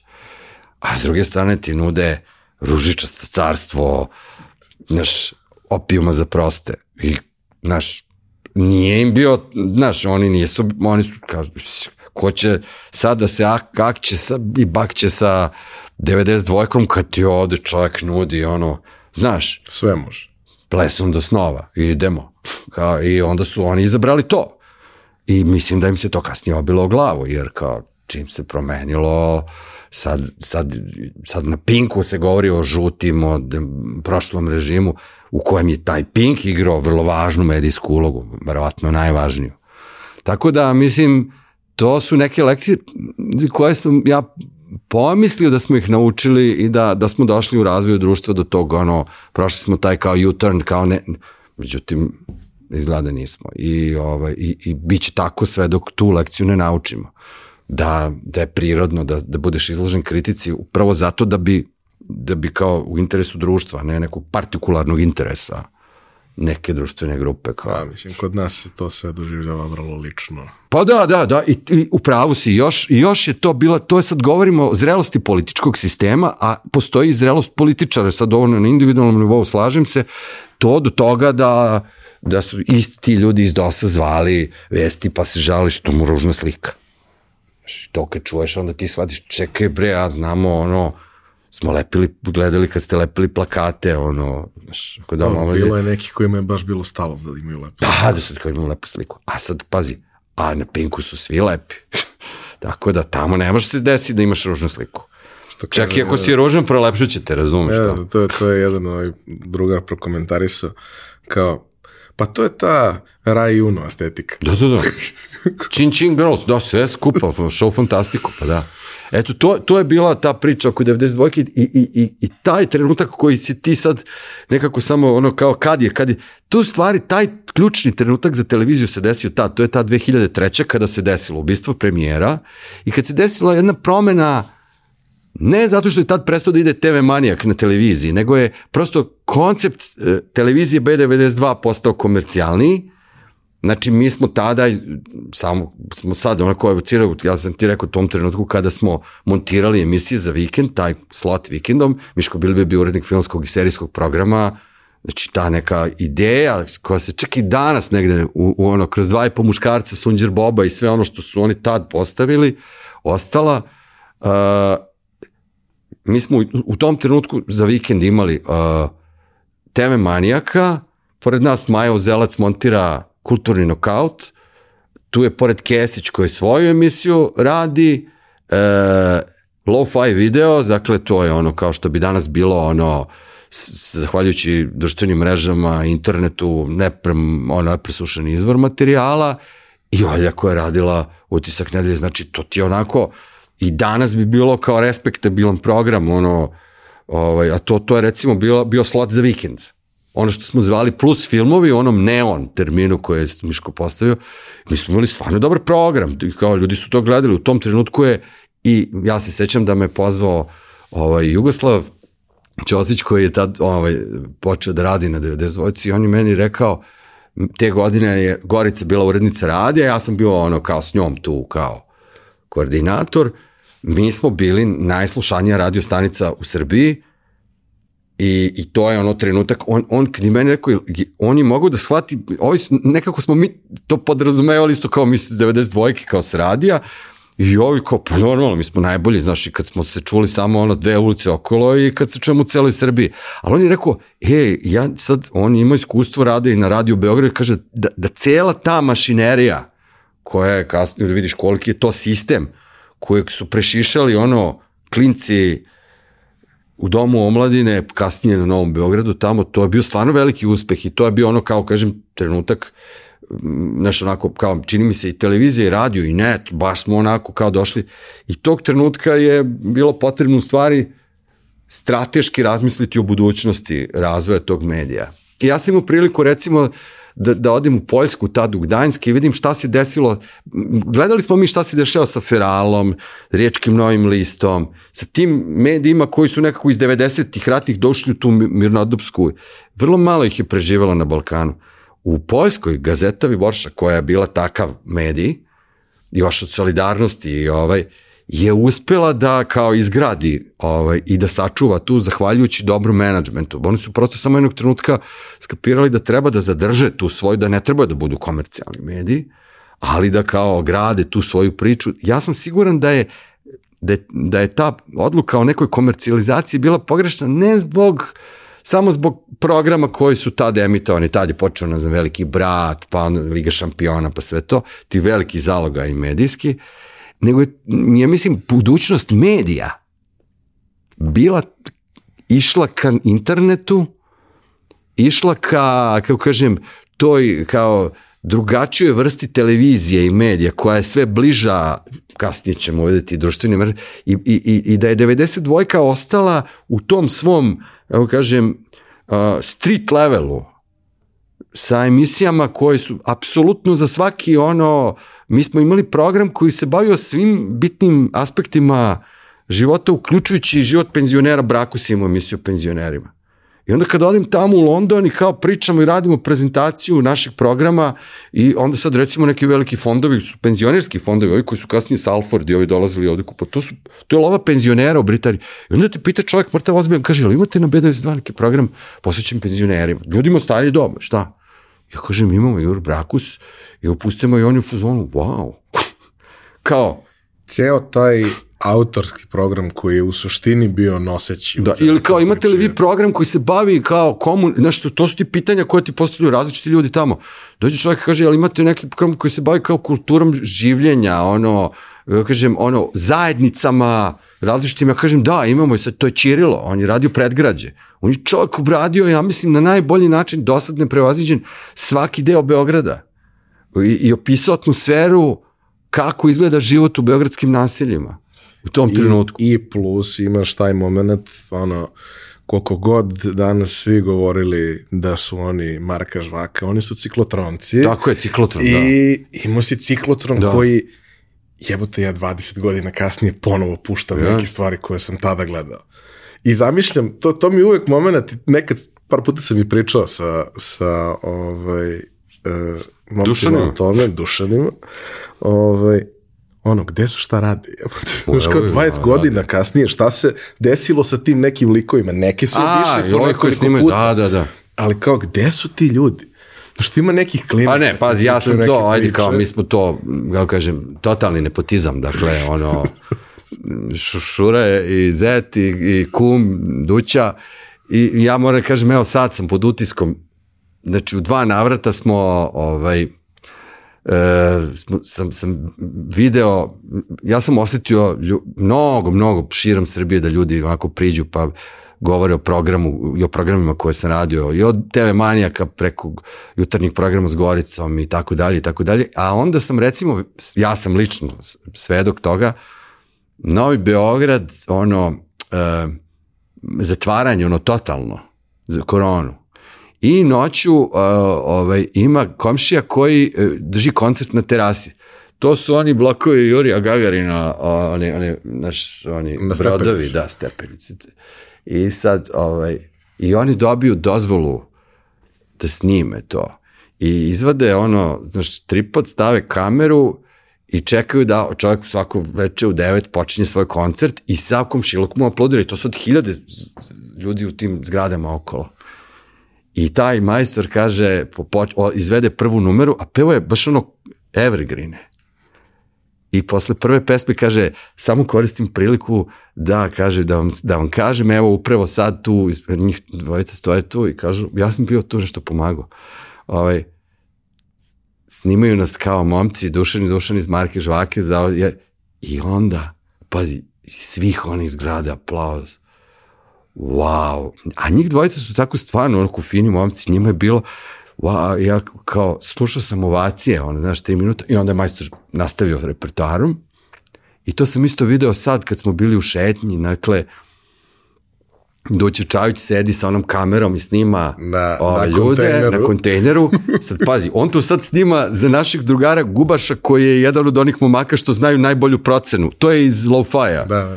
E, čovjek koji, koji sad kao za njega se snima i prolaze ljudi i viču Marka Žvaka skandiraju, a, a, a ovaj drugi Dušan i ja i ono, njegove žene kao i Moki, šetamo tu i sad ovaj, i mi sad onako kao uf, kreću ljudi da skandiraju i onda se ovaj neko krije kaže, evo ga i ovaj drugi, evo ga i ovaj TV manijak i ovaj drugi TV manijak, a mi ono kao, jo, čuti, kao pali dalje, ono, znaš, ono idemo i kao hvala, hvala ljudi. I ti kao, mislim, pazi, meni je to kad, kad, kad sam to doživao nekoliko puta u životu, kao kažem, sve druge stvari i nagrade i priznanja koje dobijaš za svoj rad i sve skupa, znači, ti kao pogledaš i kažeš, o, ja, ja sam opet imao taj, ta jezica iskustvo kad sam pogledao juče tih 60.000 ljudi, bio sam u fazonu, aha, znači to, to su tih 60.000 ljudi koji nas slušaju, pa sad puta tri, otprilike to, i kažeš, bog te. Znaš, i to je ono, ono trenutak kad ti kao radiš program, stalno zamišljaš koliko tu sad ljudi ima budnu pa dobiješ gomilu poruka pa kreće neka komunikacija. I ovaj i onda kad, kad vidim recimo da neki deo koji smo sad stavili na, na uputstvo za ovaj, koji Tibor Jona napisao za ovo korišćenje karata u gradskom prevozu u Beogradu i vidim da to sad već prešlo, ne znam, 200.000 ljudi koji to vide i, i sad meni još uvek šure prevodi, oni su bolji u tom savremenim, oni su mlađi, pa je ovaj, i, bolji, i on meni danas kaže, u, kaže, zete, ali smo viralni. I sad kao pošaljem, ja mu kažem, e, sorry, ali kao, aj ti to meni prevedi to kao viralni. Kaže, e, znaš šta je viralni? Mi imamo jednu našu slušateljku, Baku, onu, jednu koje, koju su snimali još za ciklotron, ona je ona ljuta opozicija, živi na terazijama, njihova bakavera, koju oni obiđu povremeno, i sad kaže, kad je meni bakavera poslala vaš snimak u linku, brate, vi ste viralni. I ono, znaš, kad te bakavera šeruje, ti si, brate, nas Srbija zna za tebe, znaš, ne treba mi people meter, ono, bakavera mi je najjači people meter. I, I pazi, ti kad imaš još uvek takav odnos sa ljudima koji te gledaju ili slušaju, da kažeš ono, u, dobro je, znaš, kao, javila se bakavera, dobro je. I ti znaš da je živa, da je dobro, da je okej okay, i kao, idemo dalje. Eto, to, to je neka energija koju dobiješ, ono, sad, to je odgovor na to pitanje šta se desilo s 92-kom, desio se taj switch koji je bio to, ako smo bili padu skloni, pali smo, nije baš bilo ni neke podrške i to od onih od kojih bismo ih očekivali, je očekivali, njim, oni su mnogo više volili da se slikaju na pinku nego da, da ih tu neko smara s 92-ke. A pita neprijatno pitanje. I pita neprijatno pitanje, tako da, i mislim da, pritom, da kažem, nemam ja sad tu, ne želim da prebacujem odgovornost, nego samo govorim kontekstu, ovaj, zato što poenta cele ove priče jeste da ta energija koju smo osjećali sad i ovih dana i, i koju osjećam kad ljudi kao komentarišu program koji radim i stvari koje radim, meni e, potvrđuje jednu tezu da je ta 92-ka nešto što mnogi u ovoj zemlji i iz vlasti i iz opozicije žele da zaborave, da gurnu po tepih i onda mi je, koliko god je meni bila po prvom trenutku neobjašnjiva ta strast sa kojom govori predsednik recimo o tome kao aha, a kao iz njegove priče danas bi neki klinci pomislili da je 92 neki kablovski kanal da se emitova reality. Neprekidno. E, i tako, kažem, to kao iskrivljeno, e, ta revizija ovaj, istorije, a to je, to je medij na koji on dolazi da lepi nalepnicu sigurno kuća za Ratka Mladića. Mi smo bili u tom trenutku u, u toj zgradi unutra i kad su navijači dolazili da, da zapale zgradu. Sećam se. Eto to. Tako da ono, to ima ona stvar od kud idiota, ja sjećam se, znaš, kao prosto. Nekako mi to pokazuje da ipak ljudi pamte ovaj, i da bez obzira na te te, te pokušaje revizije prilično zlonamerne i kao, jer uh, mislim da je, da je ta činjenica da je, da je i predsednik on sada tu, da, da je, nije 92 doprenjela da on postane predsednik, ali hoću da kažem da je i u vreme dok je bio opozicija mogao da dođe i kaže šta želi tu, a on je to koristio kad je bio opozicija. I ne samo da je koristio, nego je onda još posle toga je dolazio da lepi one nalepnice sigurno koji će Zratka Mladić. E, ti si radio razne formate, ja sam ti rekao za mene su TV manijaci bili nešto što je, mislim, jednostavno u tom trenutku bio melem, mm. ali taj odnos koji ste ti i Gorica gradili godinama i sadržaj koji ste stvarali i formati, odnosno Akcije, kažem, svašta. Mislim, sve što ste radili kroz to sve i to prijateljstvo je ipak veći od mm. bilo čega. Pa jeste, malo mi je sad čudno kad govorim o tome, zato što ti se nekako podrazumevala da sad govoriš nekako u prošlom vremenu, a ja to još uvek nisam nekako, meni to nije prošlo vreme, još uvek je ovaj, e, naše vreme, zato što je e, ta energija i, i atmosfera koja je, koju smo mi želi da napravimo u tom jutarnjem programu, mislim da je ostala i da je to naj, nekako naj, najlepši omaž koji svako jutra ljudi ono mogu da, da dobiju od nas tu energiju. Mm, takođe, ja ne volim, i mi smo mnogo se puta zezali na račun e, srpskih grobljanskih običaja, jer mi imamo tu naviku ili potrebu da, da nekako pravimo te zadušnice i da se tuga meri količinom te pokazane tuge ekspresivno sa tim ono padanjem ničice, udaranjem u grudi, to ja sam želeo baš zbog toga što smo se zezali mnogo puta, mislim, mi smo nekoliko puta u jutarnjem programu čitali jednu drugom in memorijom. I to je bilo, i, i, ono, baš smo umirali od smeha i desilo se da, da sam jednog trenutka to stvarno morao da uradim. Ali tim pre sam ja bio spreman na to i tim pre sam bio, uh, kažem, svestan da to kad budem jednom uradio, kad budem morao to da uradim, da će to da bude, ovaj, kao kažem, u istom tom velikom energetskom ono smislu nastavak programa, samo što fizički tu nije prisutna Gorica. I, i odnos u vremenu u tom ovaj, mi je jako čudan koliko je tu vremena prošlo. S jedne strane mi se čini kao da je bilo pre 100 godina, s druge strane kao da je juče bilo. Uopšte nemam nekakav vremenski ovaj, odnos prema tome, ali to tako sa svim strašnim događajima koje proživite, e, ne znam, to je, to je nekako, to je, Mislio sam da Dena i ja napravimo, pošto Dena isto Goricu zna dugo, preko 25 godina, još sa studija B. I, ovaj, i mnogo puta sad dok radimo program ovaj, i razgovaramo na neku temu, sad se nešto, ne, nekom omakne neki izraz, neka reč, komentar slušalaca, neki snimak koji pustimo i tog trenutka se samo oseti kako ovaj, kako, kako prove taj njen duh tu. I mi smo u fazonu Čagorice, prosto se pojavi tu. I to je toliko prisutno da smo se mi pomirili da će tako da bude za uvek. Prosto to je ono kao, pošto Srbi inače antropološki imaju vrlo, vrlo fleksibilnu i propusnu granicu između ovog i onog sveta, e, to je, kao kažem, vrlo u duhu naše, ovaj, naše antropologije i sad, jer, znaš, kod nas ljudi ti priča o događajima od pre 300 godina isto kao nečemu što se desilo pre 15 minuta. Ja, pre 300, od pre... Od Vinče. Tako da, mislim, prosto je samo, kako kažem, Gorica je ušla u onaj kao noćni termin, ono, znaš, u reprizu, tako da, ali, znaš, tu je, prisutna je.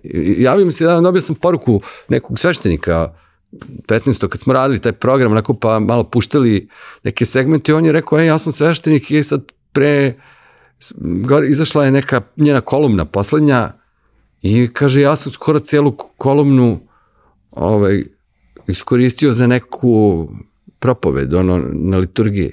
Jer je, kaže, potpuno nekako opisala taj neki, neku stanje duha i hvala je na tome i tako i sećam se da, znaš, kao kako je to sad čudno kad, kad smo bili na sahrani ili na pomenu za šest meseci, sveštenik koji je jedan fantastičan ovaj, uh, čovek ovaj, je došao i on je fan, on sluša naš program.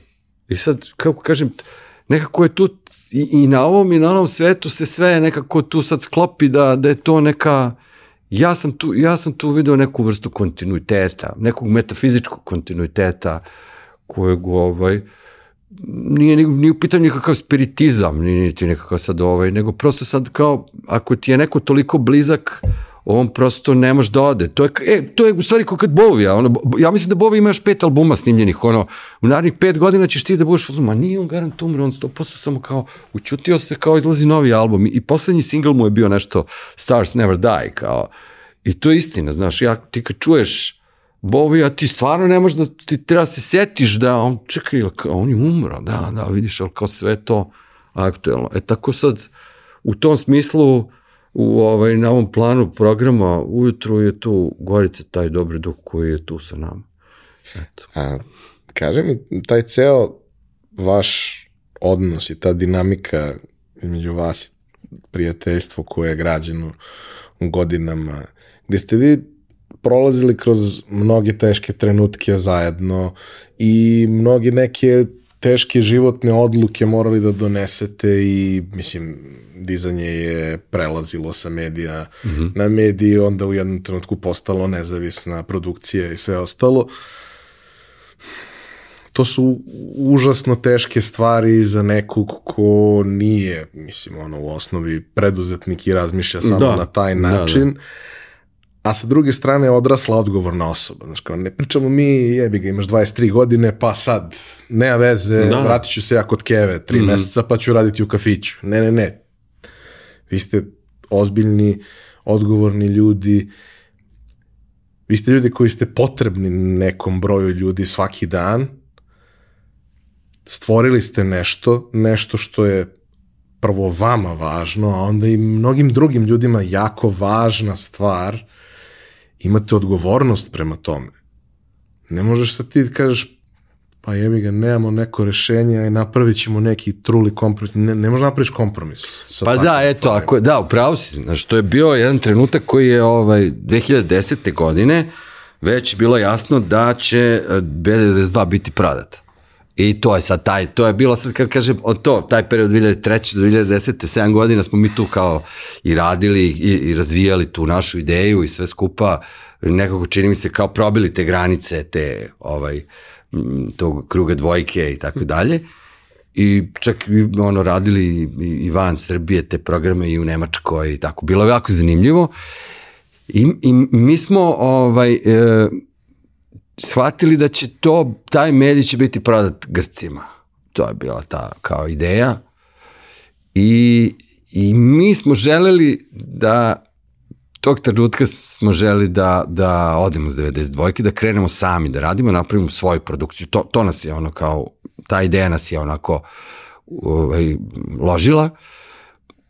Ljudi koji su nam, kažem, mislim, čovjek koji nas je puno, puno u tome ohrabrio sa prijateljskim rečima je muž Jelice Greganović, Branko Greganović, ovaj, čovjek koji je onako jedan ozbiljan, ovaj, on je stvari i zadužen za 92-ku, jer on je bio predstavnik omladine Slovenije koji je ukinuo štafetu i kao predsednik omladine Jugoslavije e, dao pismenu dozvolu da se oformi 92-ka.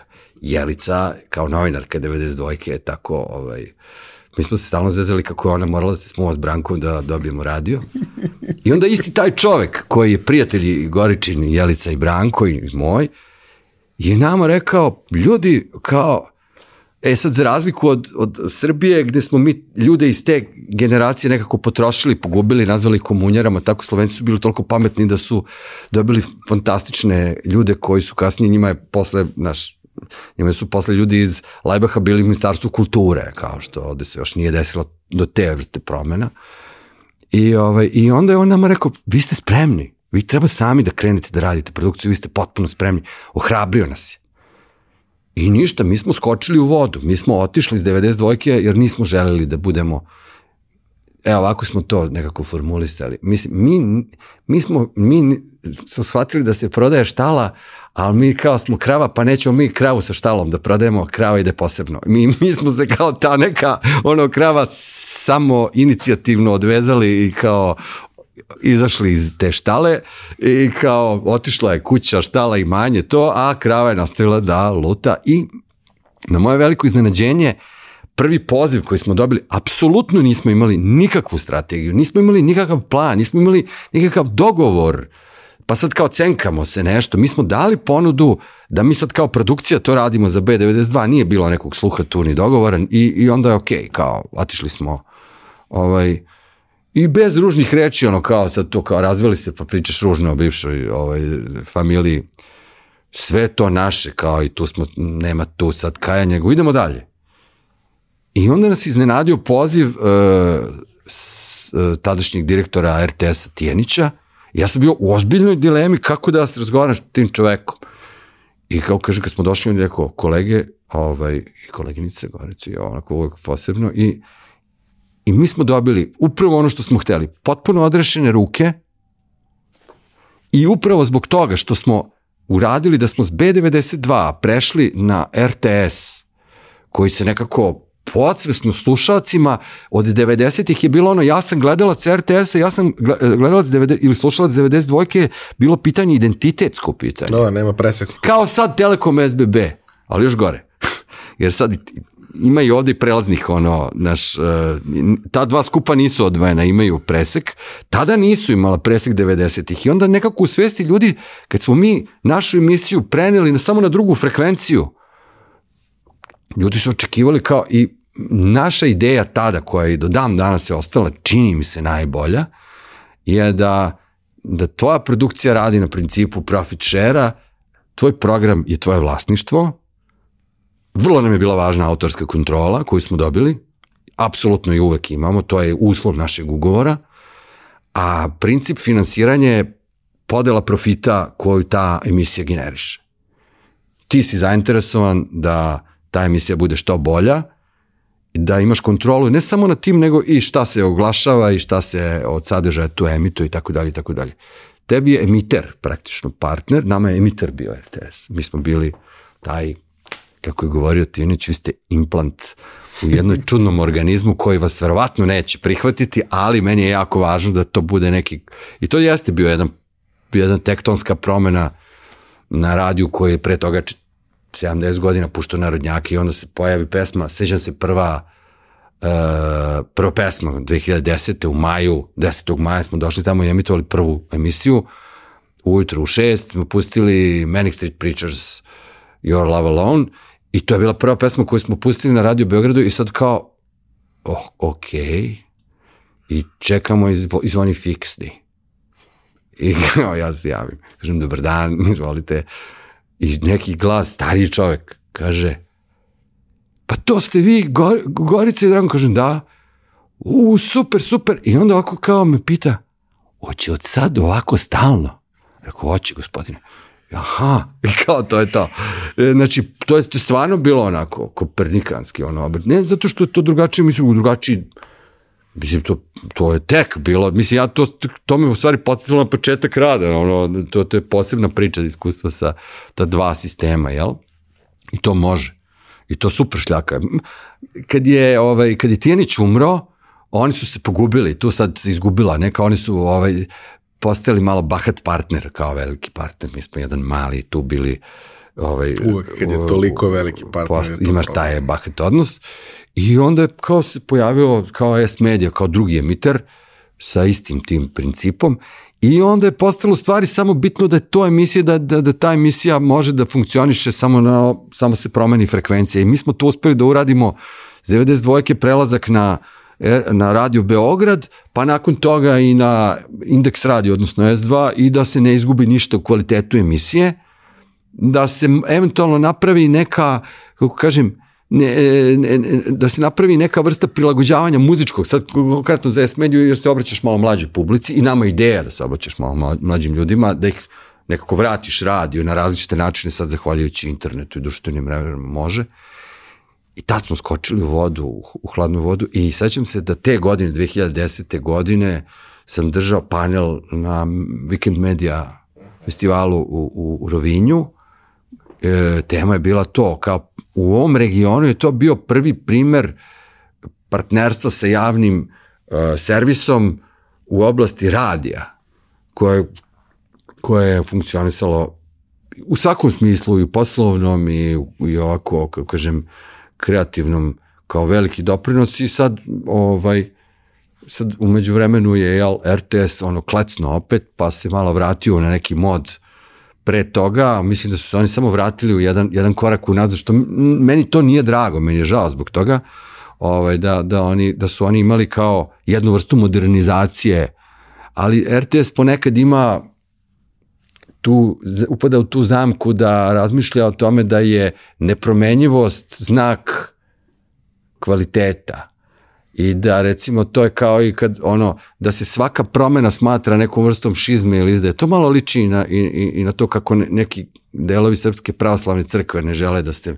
prilagođavaju ovaj, jer kao razmišljaju sa stanovišta vekova, ali dobro, to je jedna drugačija institucija, ali kad se RTS tako ponaša, onda to baš nema puno smisla, zato što bi on trebao da bude, kako kažem, u skladu sa, sa aktuelnim društvenim trenutkom. Dakle, ne mislim u onom uh, ovaj, da se prilagođavaju svakoj situaciji, oni to znaju da rade, nego, kažem, ali da budu, da budu nekako u duhu vremena, jer mediji. E, zgrada 92. gde je sada UNDP, a gde je televizija bila godinama, mm -hmm. se sada nalazi i dalje se vodi adresa kao Bulevar Zorana Đinđić. Mm -hmm. Ali ono malo slepo crevo španskih boraca, mm -hmm. onda je sada ulica Aleksandra Tijanića. Da, već. Tako da se zgrada sada da nalazi u sandviču. Da, da. On je inače, da, to, to nije, jer to, to je njegov kraj. On je igrao basket da, na onom terenu, ovaj, prek puta sve. Sjeva, da, da, da. To jeste njegov kraj. A imao je pre toga i čak i i jedan, jedan period kao Fontanjeros, tamo isto ima ovaj, i tu vezu, tu smo nešto kao komentarisali jednom taj kraj, kao karakteristično kod carine tamo, to je tako stari deo, ne, stari deo Novog Beograda, znaš, to ja, ti malo onako oksimoron. Čudno. da, da. E, nikad ne mogu da odredim neko ko je tako komplikovan, a malo ko je komplikovan kao on, ono kao, je on good guy ili bad guy? Ne znam. Ali ono što je sigurno je da je uradio neke sjajne stvari i da, i da je neke stvari umeo da radi bolje nego bilo ko drugi. Da, da, i da je razumio medije jako dobro. I ljude. Razumio i ljude, da, i ja mislim da mnoge stvari koje je on primetio, i, i on je bio jedan od ljudi koji, koji je radio u medijima, u, u novinarstvu, prvo, onda kao i na televiziji, e, redki su ljudi koji su u stanju da prepoznaju e, prepoznaju nekako u kom pravcu će se stvari razvijati, ne samo politika, nego u kom pravcu se recimo mediji razvijaju. Jedan trend pre nego što se desi. Tako je. I, e, on je to uradio recimo sa BK televizijom. E sad, meni je, ovaj, meni je bilo žao jer mislim da je, da je možda najveći potencijal za, za, za taj ulazak u savremene medije imao Pa dobro, i RTS je u to vreme, samo da podsjetim onako, on je to vrlo, mislim, pričali smo, on je, on je počeo od toga da dnevnik počinje na vreme. Pričao mi je kao koliko, je, koliko mu je bilo bitno da, da dnevnik počne, kad, da je to nekako mali znak da su stvari pod kontrolom kad dođe ono sekundara na 12. Zato što kaže ja, kaže ja sedim kući i gledam kako nikad to ne počne ili počne minut kasnije ili minut ranije. Onda sam ja mesec dana sabirao koliko, onda sam došao kod onog čoveka, onog tehničara i rekao mu ovako, prijatelju, ovog meseca si mi, brate, ukrao 20 minuta. I kao, to nije u redu, to 20 minuta ljudi koji gledaju taj program. Mislim, njega to stvarno nije mrzlo da radi, pričali smo o tome. I, ovaj, i onda je rekao, aj sad da vidimo. Evo, i onda je kao stavio štopricom pored tog čoveka, koji treba da pritisne tamo ono play i imaš ono, znaš, kad zavrti traku, još imaš sekund i po dva, ono, znači on je njega vežbo sa tim preticanjem da ga uvati na 12. Ne na 12 i 2 sekunde, nego na 12. I onda kao, kad, kad je to kao počelo, onda, su, onda, onda je imao pravo da traži od svih drugih ljudi da urade svoj posao kako treba. I mislim, to je, Tužno je što mi, što mi dalje i u tom smislu nemamo izgrađen sistem, nego zavisimo od kao pojedinca. I da taj pojedinac mora bude lud. Da, i da budeš sad ono, i da, i da to funkcioniše. Da imaš neverovatnu nekom, da, energiju, da jest. si prodoran, da, mislim, I tvrdoglav i bezobrazan i sve. ne znam, pošto ta medijska slika je umeđu vremenu postala poprilično, jel, tako kako je jeste džungla, onako, bez ovaj, pravila. E, taj vaš, da kažem, nezavisni rad, gde ste, gde ste imali emitere, ali u suštini sve bilo pod vašom kontrolom, uh, kao šta vam je to novo donelo? Ajde imamo i onaj period kada, kada je došao COVID koji je sve zakomplikovao, ali mislim... Uradili smo svo vreme. Ne jeste, da, ali mislim trebalo je prilagođavati. I da, da, i mislim da smo tad ljudima najviše i, i značili, da, sediš kući kao ne znam šta se dešava, ljudi su tad toliko nekako sa nekom ono, toliko mi je to bilo potrebno.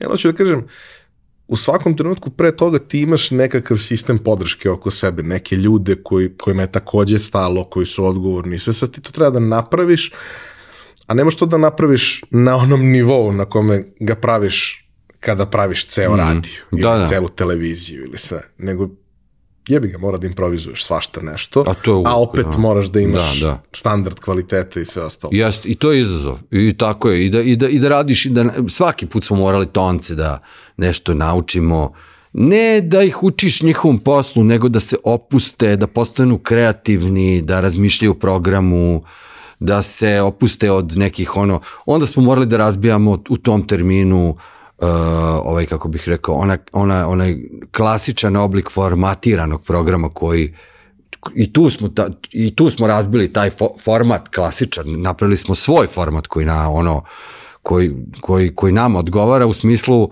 kako treba da izgleda formatiran radio koji u onom izvornom obliku napušten već. Ali ovaj a, ali naš, on, onda su se pojavili podcasti kao ovaj kojem govorimo gde, gde, gde su ljudi shvatili da mo, može neko da sluša ljudi koji razgovaraju i sat, vremena, dva, koliko god hoćeš, a onda na radiju hoćeš da svedeš govorne segmente na 20 sekundi cvrkutanja, divan dan, temperatura, saobraćaj, čao, zdravo. Mislim, to onda nema smisla.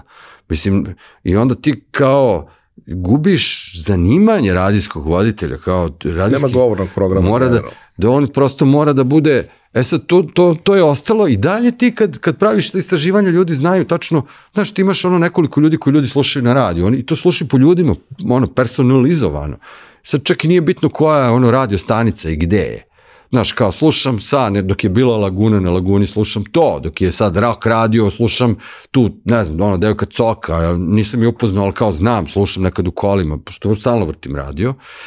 Mislim, ja, ja mislim da je naj, najopuštenija ekipa na drugom programu i trećem programu Radio Beograda, mislim, to je najbolji radijski program, zato što njih zabole za, oni nemaju komercijalni pritisak. Ima nekih ljudi na 200 dvojici koji super rade ovaj, svoje termine i tako da, da ti na kraju, kad praviš istraživanje slušanosti, ljudi, ljudi personalizuju program i manje važno koja im je ovaj, stanica, ovaj, koja je frekvencija.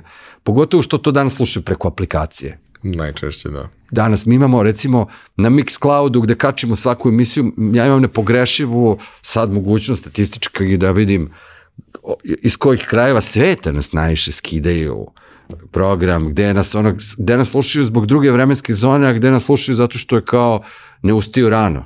Pa onda kao slušaju od devet, onda da li su to žene, muškarci, koja uzasna grupa obrazovnog To je meni onako čisto zanimljivo da vidim da li ta neka naša poruka stiže do, do slušalaca. To mi je u stvari feedback, ovaj, da vidim da li, da li, da li se obraćam ljudima na, na način da, da to stiže poruka do njih. Tako da je to sad super, to, to ti su mediji ovaj, nama, me, mislim i podcasti su o, vratili meni, čini mi se i u svetu kao priču na radiju. Radio je, kad voziš noću i kad imaš ono stanicu gde neko nešto priča pa pusti muziku ili tamo gde ide samo muzika, brate, zaspaćeš uz ove samo uz muziku. I sad šta god bio sadržaj. I sad ja razne stvari tu mogu da, da hvatam. Ljudi koji slušaju to što radite već toliko godina, svako od njih ima svoje razloge zašto njima to važno. I to je ponekad tema kad pričaš sa ljudima ko, ko im je važan, a da, da im da. nije kućni prijatelj. Da, da, da. Što misli sada, ono, kao ove malo mlađe generacije i ovi što su se navukli na podcaste, to ti onaj da, da, da. mim, kao, imam novog prijatelja, jel prijatelje ili slušaš novi podcast? E, taj moment. A da, da, mi, ja ja čak imam... To je vrlo lična da, stvar. Da, da. Mislim, i način na koji vi to radite je vrlo ličan. E sad, znam ja šta to drugim ljudima donosi, znam šta meni donosi, znam šta donosi ljudima koji su meni bliski, koje volim, nam iz raznih nekih priča i drugima. A šta je to tebi? Pa znaš kako, to je sad već, ovaj, meni je zanimljivo da smo mi sad, uh, imamo, mi smo odgojili generacije slušalaca koji sad svoj život, e, čiji smo mi deo od, od detinstva. Tako da ja sad imam... Kao Branko Kocki. Ba, skoro, da.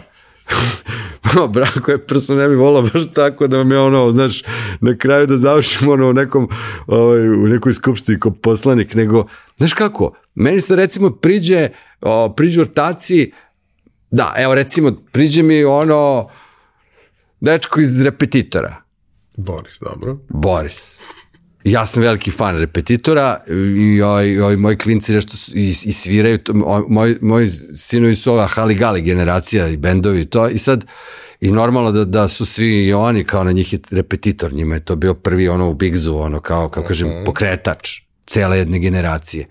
I sad meni Boris kaže, pazi, ja sam ko klinac obožavao TV manijaka. Kad su me vozili, slušali smo o kolima, ne znam, ono, Čali, Keva, jutarnji, kao, slušali smo TV Goricu i onda to sad ovako obično izgleda. Slušaš jutarnji program s Goricom i Dragom kad si mali, kad te starci smaraju, ili kad te voze pa slušaš, pa onda ono kao jedna pauza, pa onda kad kreneš da, da, da ideš u školu, ono prevoz ujutru, pa ako ne slušaš muziku ono s telefona, nekad se desi da ono studenti dok spremaju ispite ujutro ovi što ranije ustanu ili idu ovaj nek, o, počnu da slušaju radio kad se zaposliš pa putuješ do posla u kolima ili ako ti je posao takav da voziš, onda ti je bitno da ti ujutru ne, da se ne uspavaš, da, slu, da ti radi radio, onda ponovo se vrate posle nekoliko godina pauze, ta ono, naši klinci, onda te oni kao slušaju tako sa nekih ono dvadesetak i nešto, onda se desi pauza, e onda kod devojaka stiže trudnoća, opet dolazim došla maca na vratanca, jer šta, beba se probodi ujutru, oči svoje, znaš, ko je tu najbolji prijatelj, ko je budan u to vreme, Gorica i Dragan, odnosno jutarnji program, tu nam se vraćaju i onda tu kao ponovo ti krećeš da voziš decu u vrtiće, slušaš u kolima i onda verovatno imaš jedan, jednu pauzu ovaj, do penzije i onda kad, kad si u penziji onda se probudiš u pet i šalješ poruke kad ćete. Ono, čekam šest da krene program. Tako da pre ili kasnije završite vi na našoj frekvenciji kod nas i to u razli... i sad oni tačno znaju ljudi kao kad mi pričaju, oni pričaju njihova, ti si postao njihov, deo njihovog životnog iskustva. Jer ja sam se uverio da ti klinci koji su odrasli i slali su nam slike kao imamo, imamo kratke video snimke gde gde neka deca sede i vode program i go, oni su Gorica i Dragan. Ta deca danas imaju 23-4 godine. To, to, to e, javio mi se i sad neki, neki slušalci koje pamtim, javio nam se sad za Goričin rođendan kad smo pričali Marinko iz sela koji se zove Mala Bosna, to je predgrađe Subotica, koji je imao krave i pušto im je buđenje ujutru i super su davale mleka i kao i kad mu se otelala krava, onda smo mi kumovali, naravno se zvala Gorica, I kad smo putovali u Suboticu, otišli smo da obiđemo kumče, imamo fotke, taj Marinko je imao bebicu u to vreme i rodilo se jedno telence I doneli, otišli smo, u, u selu ima ona veterinarska apoteka, ja sam kupio ono grumenje, one soli. I doneo kumčetu, mnogo se obradovalo, lizalo onu so. I onda mi kaže, sad ta bebica je sad već ono, momak od, ne znam, ono, tinejdžer već oko, adolescent. I, i ovaj, oni su svi, i ja, kako da kažem, isto kao što, sad mi oko stvarno zvuči možda pretencijno kad kažem, kao što kad ti deca napune 20 godina, pogledamo se i kažemo, ono, supruga i ja, ono, nismo ništa ozbiljno zajebali, izgleda će budu dobri ljudi. Tako da nisam sreo neke bitange, kriminalce, budale, koji su, koji bi bili ono, u zonu kao redovni slušalci 92. Možda smo malčice pomogli da budu kao bolji ljudi. Kao se to možda stvarno ovako pretenciozno i mnogo kažem, ali stvarno, znaš, onako da da si video nekog i da kažeš, brate, kao, šta je ovaj iskapirao od našeg programa, znaš, ali ljudi su se vezali kao, mislim, čak je bilo neki što su se javljali, bilo, bili su neki što su se javljali iz zatvora, ne znam kako su švrcovali telefon, ali su nam se javljali, pa, pa su imali neke, kako kažem, samo uvide pozitivne, ne, ono kao, znaš, javio se čak pa rekao, mi ne jedan, nego više kao, svašta sam ja u životu zajebao, ali kao, vi ste mi pomogli da, zaista. I sad ne, ne, ne, uopšte ne, ne preuzimam te kao ovaj, zasluge, nego sam kao, uglavnom te ljudi vezuju za neka pozitivna osjećanja. E to je ono što znači stiglo do njih kao ta poruka, to što mi emitujemo svako jutro. I oni to tako dožive. I meni je to puna kapa, ne treba više. Pa, radite nešto što je lično i što mora da prođe kroz tebe. Znači, ti no. kada ga konzumiraš, on mora da prođe kroz tebe. Zašto to kažem? Uh, Nece, Roki, braće Burazeri, Dečko Car, majice i sve ostalo, mi smo prijatelji 300 godina i ovaj, da nema njih ja bi ne bih izgledao ni ovoliko pristojno. I ja ih znam kad su tek počeli, kad je to bio potpuni underground i sve, mislim... Kad su došli na 92. Znači, mi smo bili u fazonu da ih ustvojiš, ono, znaš, jednog i drugog. I imaš tu situaciju da uh, to se lagano širilo i sve te neke nove majice, pa kako se saznavalo da je izašla nova majica, pa onda juri, pa, pa nema veličina, pa dobro bre zapiši sledeći put, pa... I sad naravno prošlo je 20 godina, 22 godine su prošle.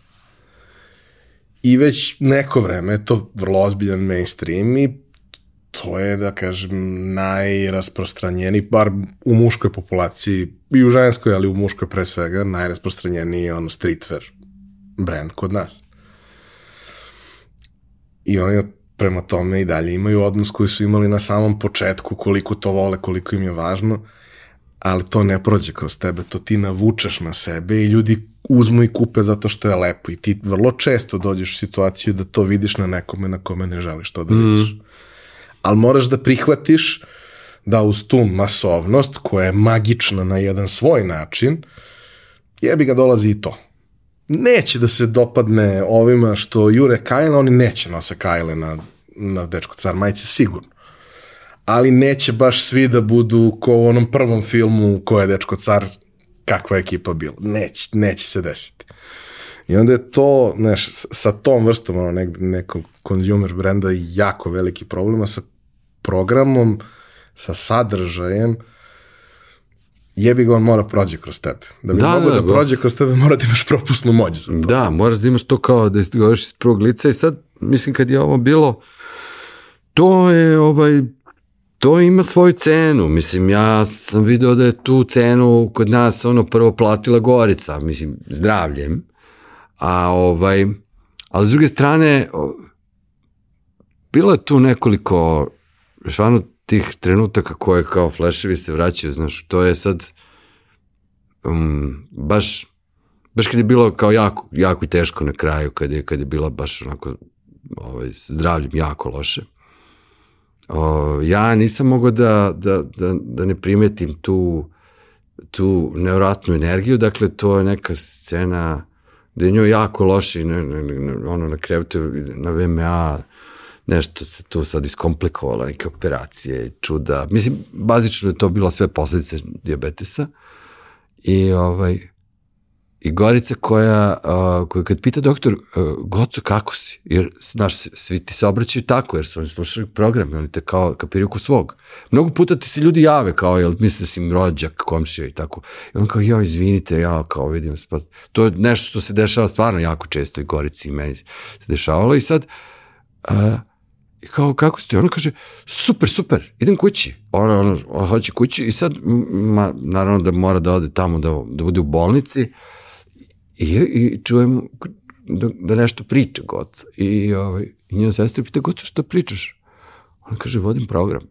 I, ovaj, I to je taj trenutak da ti shvatiš da je, da je svaki trenutak naše, i, i mi kad smo se čuli, kad nisam mogao da uđem u bolnicu zbog COVID-a, mi smo se zezali ono, u kao da, kao, mislim, ja sam nju uključivao do momenta dok je uopšte mogla da govori. I ovaj, u jednom periodu je bila slepa dok se obraćala, to ljudi nisu možda kapirali, ali tako je bilo. I ovaj, i mi smo se zeznali ono kao, u, kakav program radijski, pazi, ti, si, ti se javljaš iz bolnice, ja kao odim program i ti si u fazonu to, dnevni meni i priča, i onda kao pre, ti doživljaj sa, sa sestrama, sa drugim, ona je prepričavala i napisala nekoliko stvarno fantastičnih ovaj, tih svojih ono kolumni, iskustava sa VMA, sa ženama, Znaš, to ti je ono ko vojska, ono, dođeš sa, na odeljenje sa ženama koje su operisale oči i sad one su kao skoro slepe, još uvek to posle diabetesa oči to pukne krvni sud pa ne vidiš. I one pričaju jedno drugo i tako u tom ne vide se, čuješ glas i one jedno drugom pričaju svoje živote. I, i onda smo pričala mi Gorice za te i, i, i javljali su mi se ovaj, posle i, i, i neke od njih jer su upamtile Goricu. Ja tad su prvi put u životu videla, imali su utisak kao da su ono rod rođeni. I ne, neke žene iz, iz Beograda, neke žene iz nekih malih mesta, neke žene sa sela, koje su ono, o, ovaj, eto tako, na, a mogle s njom da komuniciraju, to im je bilo potpuno fenomenalno da ti pričaš, jer ovaj, su uvek osjećali da smo, da smo mi nekako pričali o stvarima koje su i u njim kojim životima bitne iz nekog razloga, nešto što im se dešava. I ta veza, ta, kao, ta, tu prosto, to je bio jedan, ono, baš community, onako, kao to, to, to su slušalci koji, i me je potpuno jasno da je onda, to je bio recimo jedna od stvari da sad onda uopšte nije važno koja je frekvencija. Nego to je važno da, da ljudi dobiju tu vrstu ohrabrenja, što smo celog života govorili da taj jutarnji program treba da bude ko, ko ono bombona iz bombonjere. I kad ne znaš šta ćeš da izvučeš. E sad, kad smo nas dvoje tu, onda ako se meni ne dopada, ako je ono, kako zove, kokos, ja dam goci, uzmem njenu. I onda se zamenimo. Ili nekom kažeš, ok, danas sam izvukao ono kafu, nije mi to baš omiljeni flavor, ono, iz bombonjere, ali kao imaš neko otkriće, neko, nešto i kao da taj dan eto ne prođe samo tako, nego da nešto uradiš za sebe, za ljude oko sebe i da, da je to dan u njihovim životima koji nema nazad. I onda je s druge strane za tih 20 godina koliko smo radili, mi smo stvarno posvetili i ljudima i jedno drugom u tom odnosu ovaj, maksimalno smo tu kao bili iskreni, otvoreni prema tome i sad, znaš, jeste stvarno bilo sad kad smo razgovarali tada je ono kao koga da pozovemo da nam pomogne, jer mi smo se dogovarali oko Dejane još dok je god bila ovaj, kod kuće oporavljala se, bilo je jedan period malo bolje.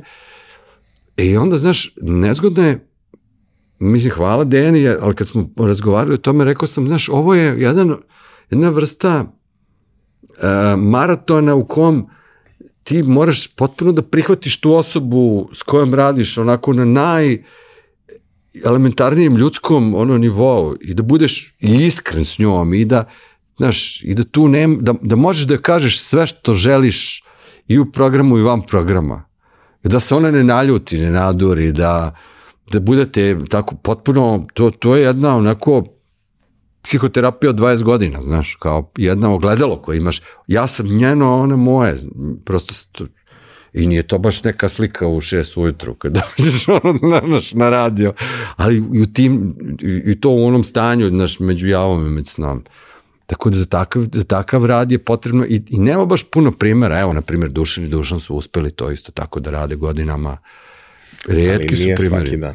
Da, da, dobro, oni, veruj mi da oni svaki dan snimaju. Ne, ne, okej, okay, ali... Znaš, Program nije svaki dan, Ni, nisu live lik, svaki dan u, nije u etu. Nije to 10 sati nedeljno ili da. 20 sati nedeljno, što je ono što je, što je neverovatno. I, e, mislim, to vaše prijateljstvo da, da. je imalo toliko lejera. Da, da, da jeste. Znaš, jednostavno I to je Svako nek... od nas je bio bogatiji time da. što je mogao to da čuje. Jeste, jeste. Tako da, tu, mislim, tu je sad bio, mislim, stvarno, ja sam se malo onako, kako kažem, ne znam se plašio, nego sam se, ono, plašio se kako će biti Deni u toj atmosferi, znaš, nije to zeznuto je, znaš, kao dođeš tu i, ono, mislim, ona se tu stvarno onako snašla u smislu da smo mi shvatili da ne želimo da pravimo znaš, kao nikakvu repliku, ono, Goričinu, nego da to bude Dejana od početka. To je ko, ko leto sa prošlo leto kad je svirao onaj, su Vejlersi svirali. I na dan ovaj, državnosti Jamajke, I sad su oni imali nekog pevača, znaš, i ja sam se malo prošao, čekaj, Vejlersi s nekim likom, kao šta. I onda sam shvatio, super je što taj tip uopšte ne trudi da imitira Marlija, on je dovoljno što si majke da priča tako, priča izgleda tako kako izgleda i ima svoju ono, svoju verziju tih pesama i to je skroz okej. Okay. Znači, ovaj, to je sad ono, ovaj, no, neka nova energija i to je u stvari jedan doprinos, onako, naš, sveža neka nova energija, ali unutar tog, kako kažem, e, tog ambijenta i te, te poruke koja se nije promenila to mora da bude nekako proživljeno, tako da onda jedino ima smisla. To sam teo da te pitam za, za kraj negde. Um, šta je bila agenda i št, kako se ona menjala i šta je ona danas? Zato što jebe ga, svi ovo radimo sa nekim ciljem. Znaš, kao, ja sam počeo ovo da radim zato što sam imao potrebu da čujem ove priče, a onda mi je bilo žao da ih čujem samo ja i nikad se nisam opterećivo time koliko će to ljudi da čuje ili da vidi i da je pet, meni je to super, to znači da ima pet ljudi koje tako nešto zanima, što znači da možda ima smisla živeti. Nije pet, ima ih par hiljada i to je, to je sasvim, sasvim, sasvim lepo. Ja to isto smestim, ono, kao hala sportova, pionir, arena, kako god. Ovaj, ali kad sam razmišljao, znaš, nekako treba, treba tu neku centralnu nit izvući, menjati, evoluirati je, dovesti je do nečega i, i rekao sam ti negde ono, da, da mi je da sam shvatio da mi je ideja da pričam sa ljudima koji imaju neobične životne priče, koji su komplikovali sebi život tako što nisu išli linijom manjeg otpora, nego su se trudili da rade stvari za koje su verovali da su ispravne. Neki su se zajebali i nemaju problem da pričaju o tome da što je to važno, jer kao normalna stvar je da negde pogrešiš. Znaš, naše okruženje ti te u principu uči da ne smeš pogrešiš nikad, a ako pogrešiš da ne sme niko da sazna da si da, pogrešio. Da.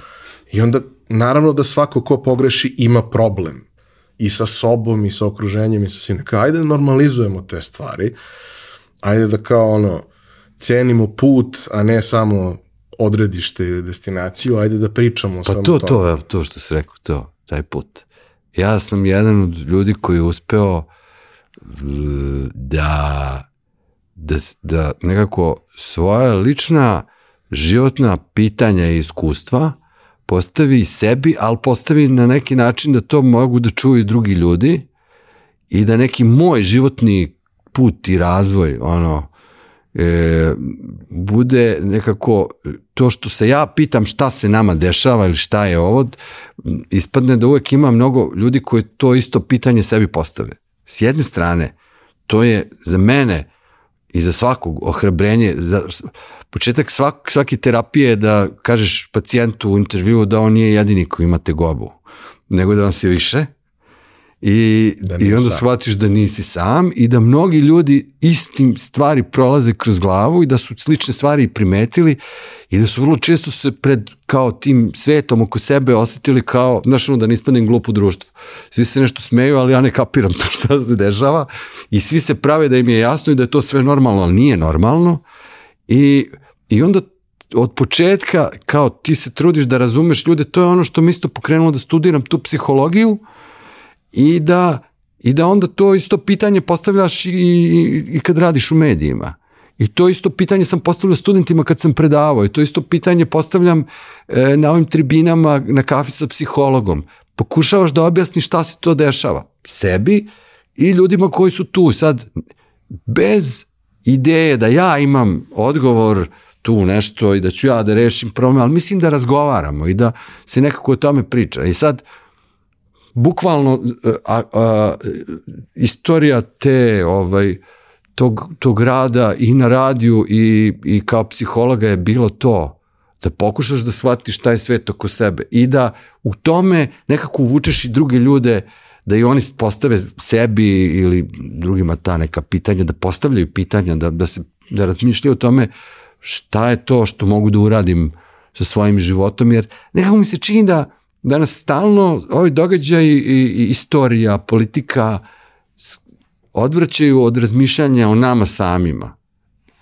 Da nam neko stalno, mislim, to, to nije, to sad ljudi priznaju, znaš, da ljudi koji se bave savremenim digitalnim komunikacijama danas se bore za tvoju pažnju i tvoje vreme.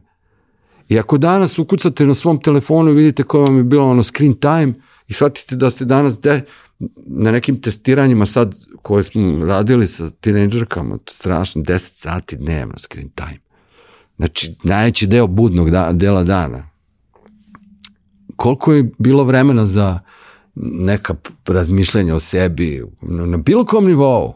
Koja nisu, koja na koja nisu, nije uticano time da. što si, što E sad, ako je to moneta, Ako, ako, ako, ako sad stvarno konačno ovi što nisu na televiziji hteli da prižnju da se bore za našu pažnju, to što nazivali šerovima, retinzima, gledanošću i ne znam nija čime, u stvari je to pažnja. To znači da mi stalno imamo nekog ko pokušava da okupira našu pažnju i nama ideja bila potpuno drugačija, da, da te vrati ono tvom životu. A da mi tu budemo samo inspiracija da, da ti to pitanje postaviš sebi i ljudima oko sebe. Eto, to je. I to, je, to, je, to se nije menjalo. Ta osnovna agenda se nije menjala i ta, ta osnovna ideja. I ja mislim da je, da je to u suštini nekako bilo ono što i mene najviše zanima. I da smo nekako tako sticali zajedno neko životno iskustvo. Jedna od stvari koja je tvoja negde obaveza zbog toga što si psiholog, javna ličnost, aktivan kroz razgovore na te teme u različitim formatima, diskusijama, panelima, razgovorima jedan na jedan i sve ostalo je da kad nam se dešavaju ove stvari koje nam se dešavaju i svakome pojedinačno, ali kad se dešavaju tragedije koje su mnogo veće od toga i koje neće proći posle par sati, par dana, par nedelja. Oni momenti koje ovaj, 30 godina kasnije znaš gde si bio kada se mm -hmm. nešto desilo. E mi, nažalost, imamo mnogo takvih momenta. Tu je negde tvoja uloga i odgovornost je još veća, ali tvoja uloga je tu možda mnogo važnija nego velike većine drugih ljudi. Ok, svi imaju mišljenje, sad postoji hiljadu i jedan influencer sa ogromnim dosegom koji će reći nešto i najčešće neće pomoći nikome, ovaj, ali će možda privući tu pažnju. Ali mi se čini nekako da način na koji ti se odnosiš prema takvim stvarima je nešto na što bi trebalo mnogo više ljudi da se ugleda i ljudi iz struke tvoje, primarne, mislim, ja bih tvoja primarna struka su medije, ali obrazovanje. To je to. Ovaj, uh, za, eto, sam kraj svega neću više da te zadržavam, ali hoću da nam daš neku poruku šta mi da radimo s tim. Zato što ja nekako mnogo kopam po sebi hmm. decenijama i čitam, ok, nisam psiholog, nikad nisam otišao na tu stranu, ali sam naivac, volim svašta nešto da... I ja ne mogu da prihvatim uh, stav koji nije dominantan, ali jeste jedan od glasnijih je da na neki način mi sad treba da prihvatimo da se ovo dešava i da shvatimo da je to tako i ja ne želim da prihvatim da se ovo dešava, to znači da je ovo normalno. Ako ovo normalno, onda onda nema nade. Mm -hmm. A neću da verujem da nema nade. Mm. I neću da verujem da je to kako treba da se postavi. Šta ti misliš? Pa znaš šta, ja sam izbegavao, zvali su me ono na dosta, možda sam jednom ili dva put nešto sad govorio na ovu temu, um, u pravu si, ovo su trenuci kada smo svi doživjeli lični gubitak nekako smo svi osetili i poslednji put je to bilo, čini mi se kad je ubijen Đinđić, prosto je to bilo kao neko kolektivno stanje duha vrlo slično. Taj utisak da se desilo nešto što je bilo nezamislivo, nešto što je bilo ovaj ovako kao kao neočekivano, a kad pogledaš, pročitaš novine 7 dana ili mesec dana pre Đinčevog ubistva, jasno ti je da je to kao visilo u vazduhu. Da, da ali to... sve vreme se vodiš tima, ne može to Ne, da ne može, da. E, stručnjaci su upozoravali na mogućnost da se da, da, da živimo u društvu gde, gde, gde su ovakve stvari moguće, pogotovo sa vršnjačkom, e, vršnjačkim nasiljem, porodičnim nasiljem, femicidom i tako dalje. Ali ovaj, ja sam razmišljao o o strašnim iskustvima nekoliko generacija. Ne zato da bih relativizovao ovaj trenutak, nego ja sam, pričao sam sa ljudima, starijim ljudima, znaš, kao, to je ona čuvena priča onog, da li e, o smislu onog psihologa Frankla, da li ima smisla da pišeš poeziju posle holokausta? 45. godine smo mi ovde imali strašne tragedije, nezamislive ono, zločine. I, I uvek sam se setio primera, e, prvo svako od nas individualno tu ta, mora da prođe kroz, kroz tu fazu, nema, nema pravila. Nekom će trebati duže vreme, nekom će trebati kraće vreme. Sećanje na to će ostati kao deo našeg iskustva kolektivnog i to se neće promeniti. Najteže onima koji su doživjeli lični gubitak a, porodicama. Ali te 45. godine u, u jednom dalmatinskom selu ovaj, u kom onako pola sela su Srbi, pola su Hrvati, 45. godine uh, u tom selu u Dalmaciji u zove Polača, posle sam video tu u krajini, imao si ovaj, bukvalno strahovite zločine u tom kredu da ne opisujemo ono kao šta je tamo bilo, možete da zamislite kakvi su to bili, ovaj, kako su to klanja bila. I te 45. godine m, deda ove moje supruge Srbin, s jedne strane tog puta, koji se zvao Kuzman, se zaljubio i oženio njenom bakom, koji je sa druge strane ceste Hrvaticom koja se zvala Tereža. Oni su ceo život, ovaj, ja sam ih upoznao, gledali jedno drugo kao Romeo i Julija, ona je govorila moj Kuzme, a on je govorio moja Tereža najlepša na svetu i imam fotografije gde se njih dvoje gledaju i ja želim da tako gledam svoju ženu do kraja života kao su se oni gledali. I onda su prošli zajedno kroz iskustvo 95. godine i oluje, kad su morali da napuste taj svoj kraj, bili su vrlo uspešni poljoprivrednici, onako, ti kotari su najplotniji deo Hrvatske Dalmacije. I tad sam ih video i, ovaj, i posle tih tragedija i kad sam video da je ta njihova ljubav uspela da pobedi nezamislivu mržnju i tragediju 45. godine u Dalmaciji, gde su ono vadili kasnije leševe, a onda 95. i 90. ponovo ti isti zakuvali i da su oni se i posle svih tih tragedija su imali pa nemali i tako dalje, nastavili da jednu drugo gledaju tim očima. E onda sam ja pomislio da da ako se okrenemo jedni drugima na tom ljudskom elementarnom nivou i ako pružimo jedni drugima tu ljubav, onda ne postoji zlo koje može to da pobedi. I ja uvek pomislim na njih dvoje i ovaj i onda kažeš ok, idemo dalje. Ovaj, pružit ćemo svu pomoć i ljubav tim ljudima i nećemo dozvoliti da da to bude nešto što će nas poklopiti, jer to bi bilo naš poraz. Naš poraz treba da bude da se ponovo deca nađu u školi, naša pobeda je to, kao da dođu u školu, da i dalje odeš, da ideš u školu. I ta deca nisu išla u školu ni zbog korone, sad ne idu zbog mnogo strašnih stvari i da ti se ne plašiš i to nije nikakva utopija. Naravno da će uvek biti nepredviđenih i strašnih stvari koje će nam se desiti, ali uvek je pobeda, pobeda je povratak u, u, u neku, neke normalne ljudske odnose. To je pobeda. Dakle, ako, ako, ako se, po, to je kao neće nam pomoći ni više oružja, ni ono bigger bomb, ono, znaš, ovi nam hoće bomba, mi njima još veću, nego da pogledamo jedni druge tim, ono, ljudskim očima, tim pogledom. Eto, tako da kad, kad god tako pomisliš na, na ne, ne, neku nezamislivu tragediju, na neku jezivu istoriju, na neku, na neku mržnju koja tu po, pleti da poklopi sve i u najmračnijim trenucima imaš to dvoje ljudi koji, makar dvoje ljudi koji se vole i onda su oni ono, njima to ne može ništa. Eto, tako ja želim da pronađete u sebi i oko sebe tu ljubav. Hvala ti u moje i u ime svih ljudi koji zbog vas nisu bili sami. Hvala vama što ste nas slušali. To bi bilo to. Vidimo se ponovo sledeće nedelje.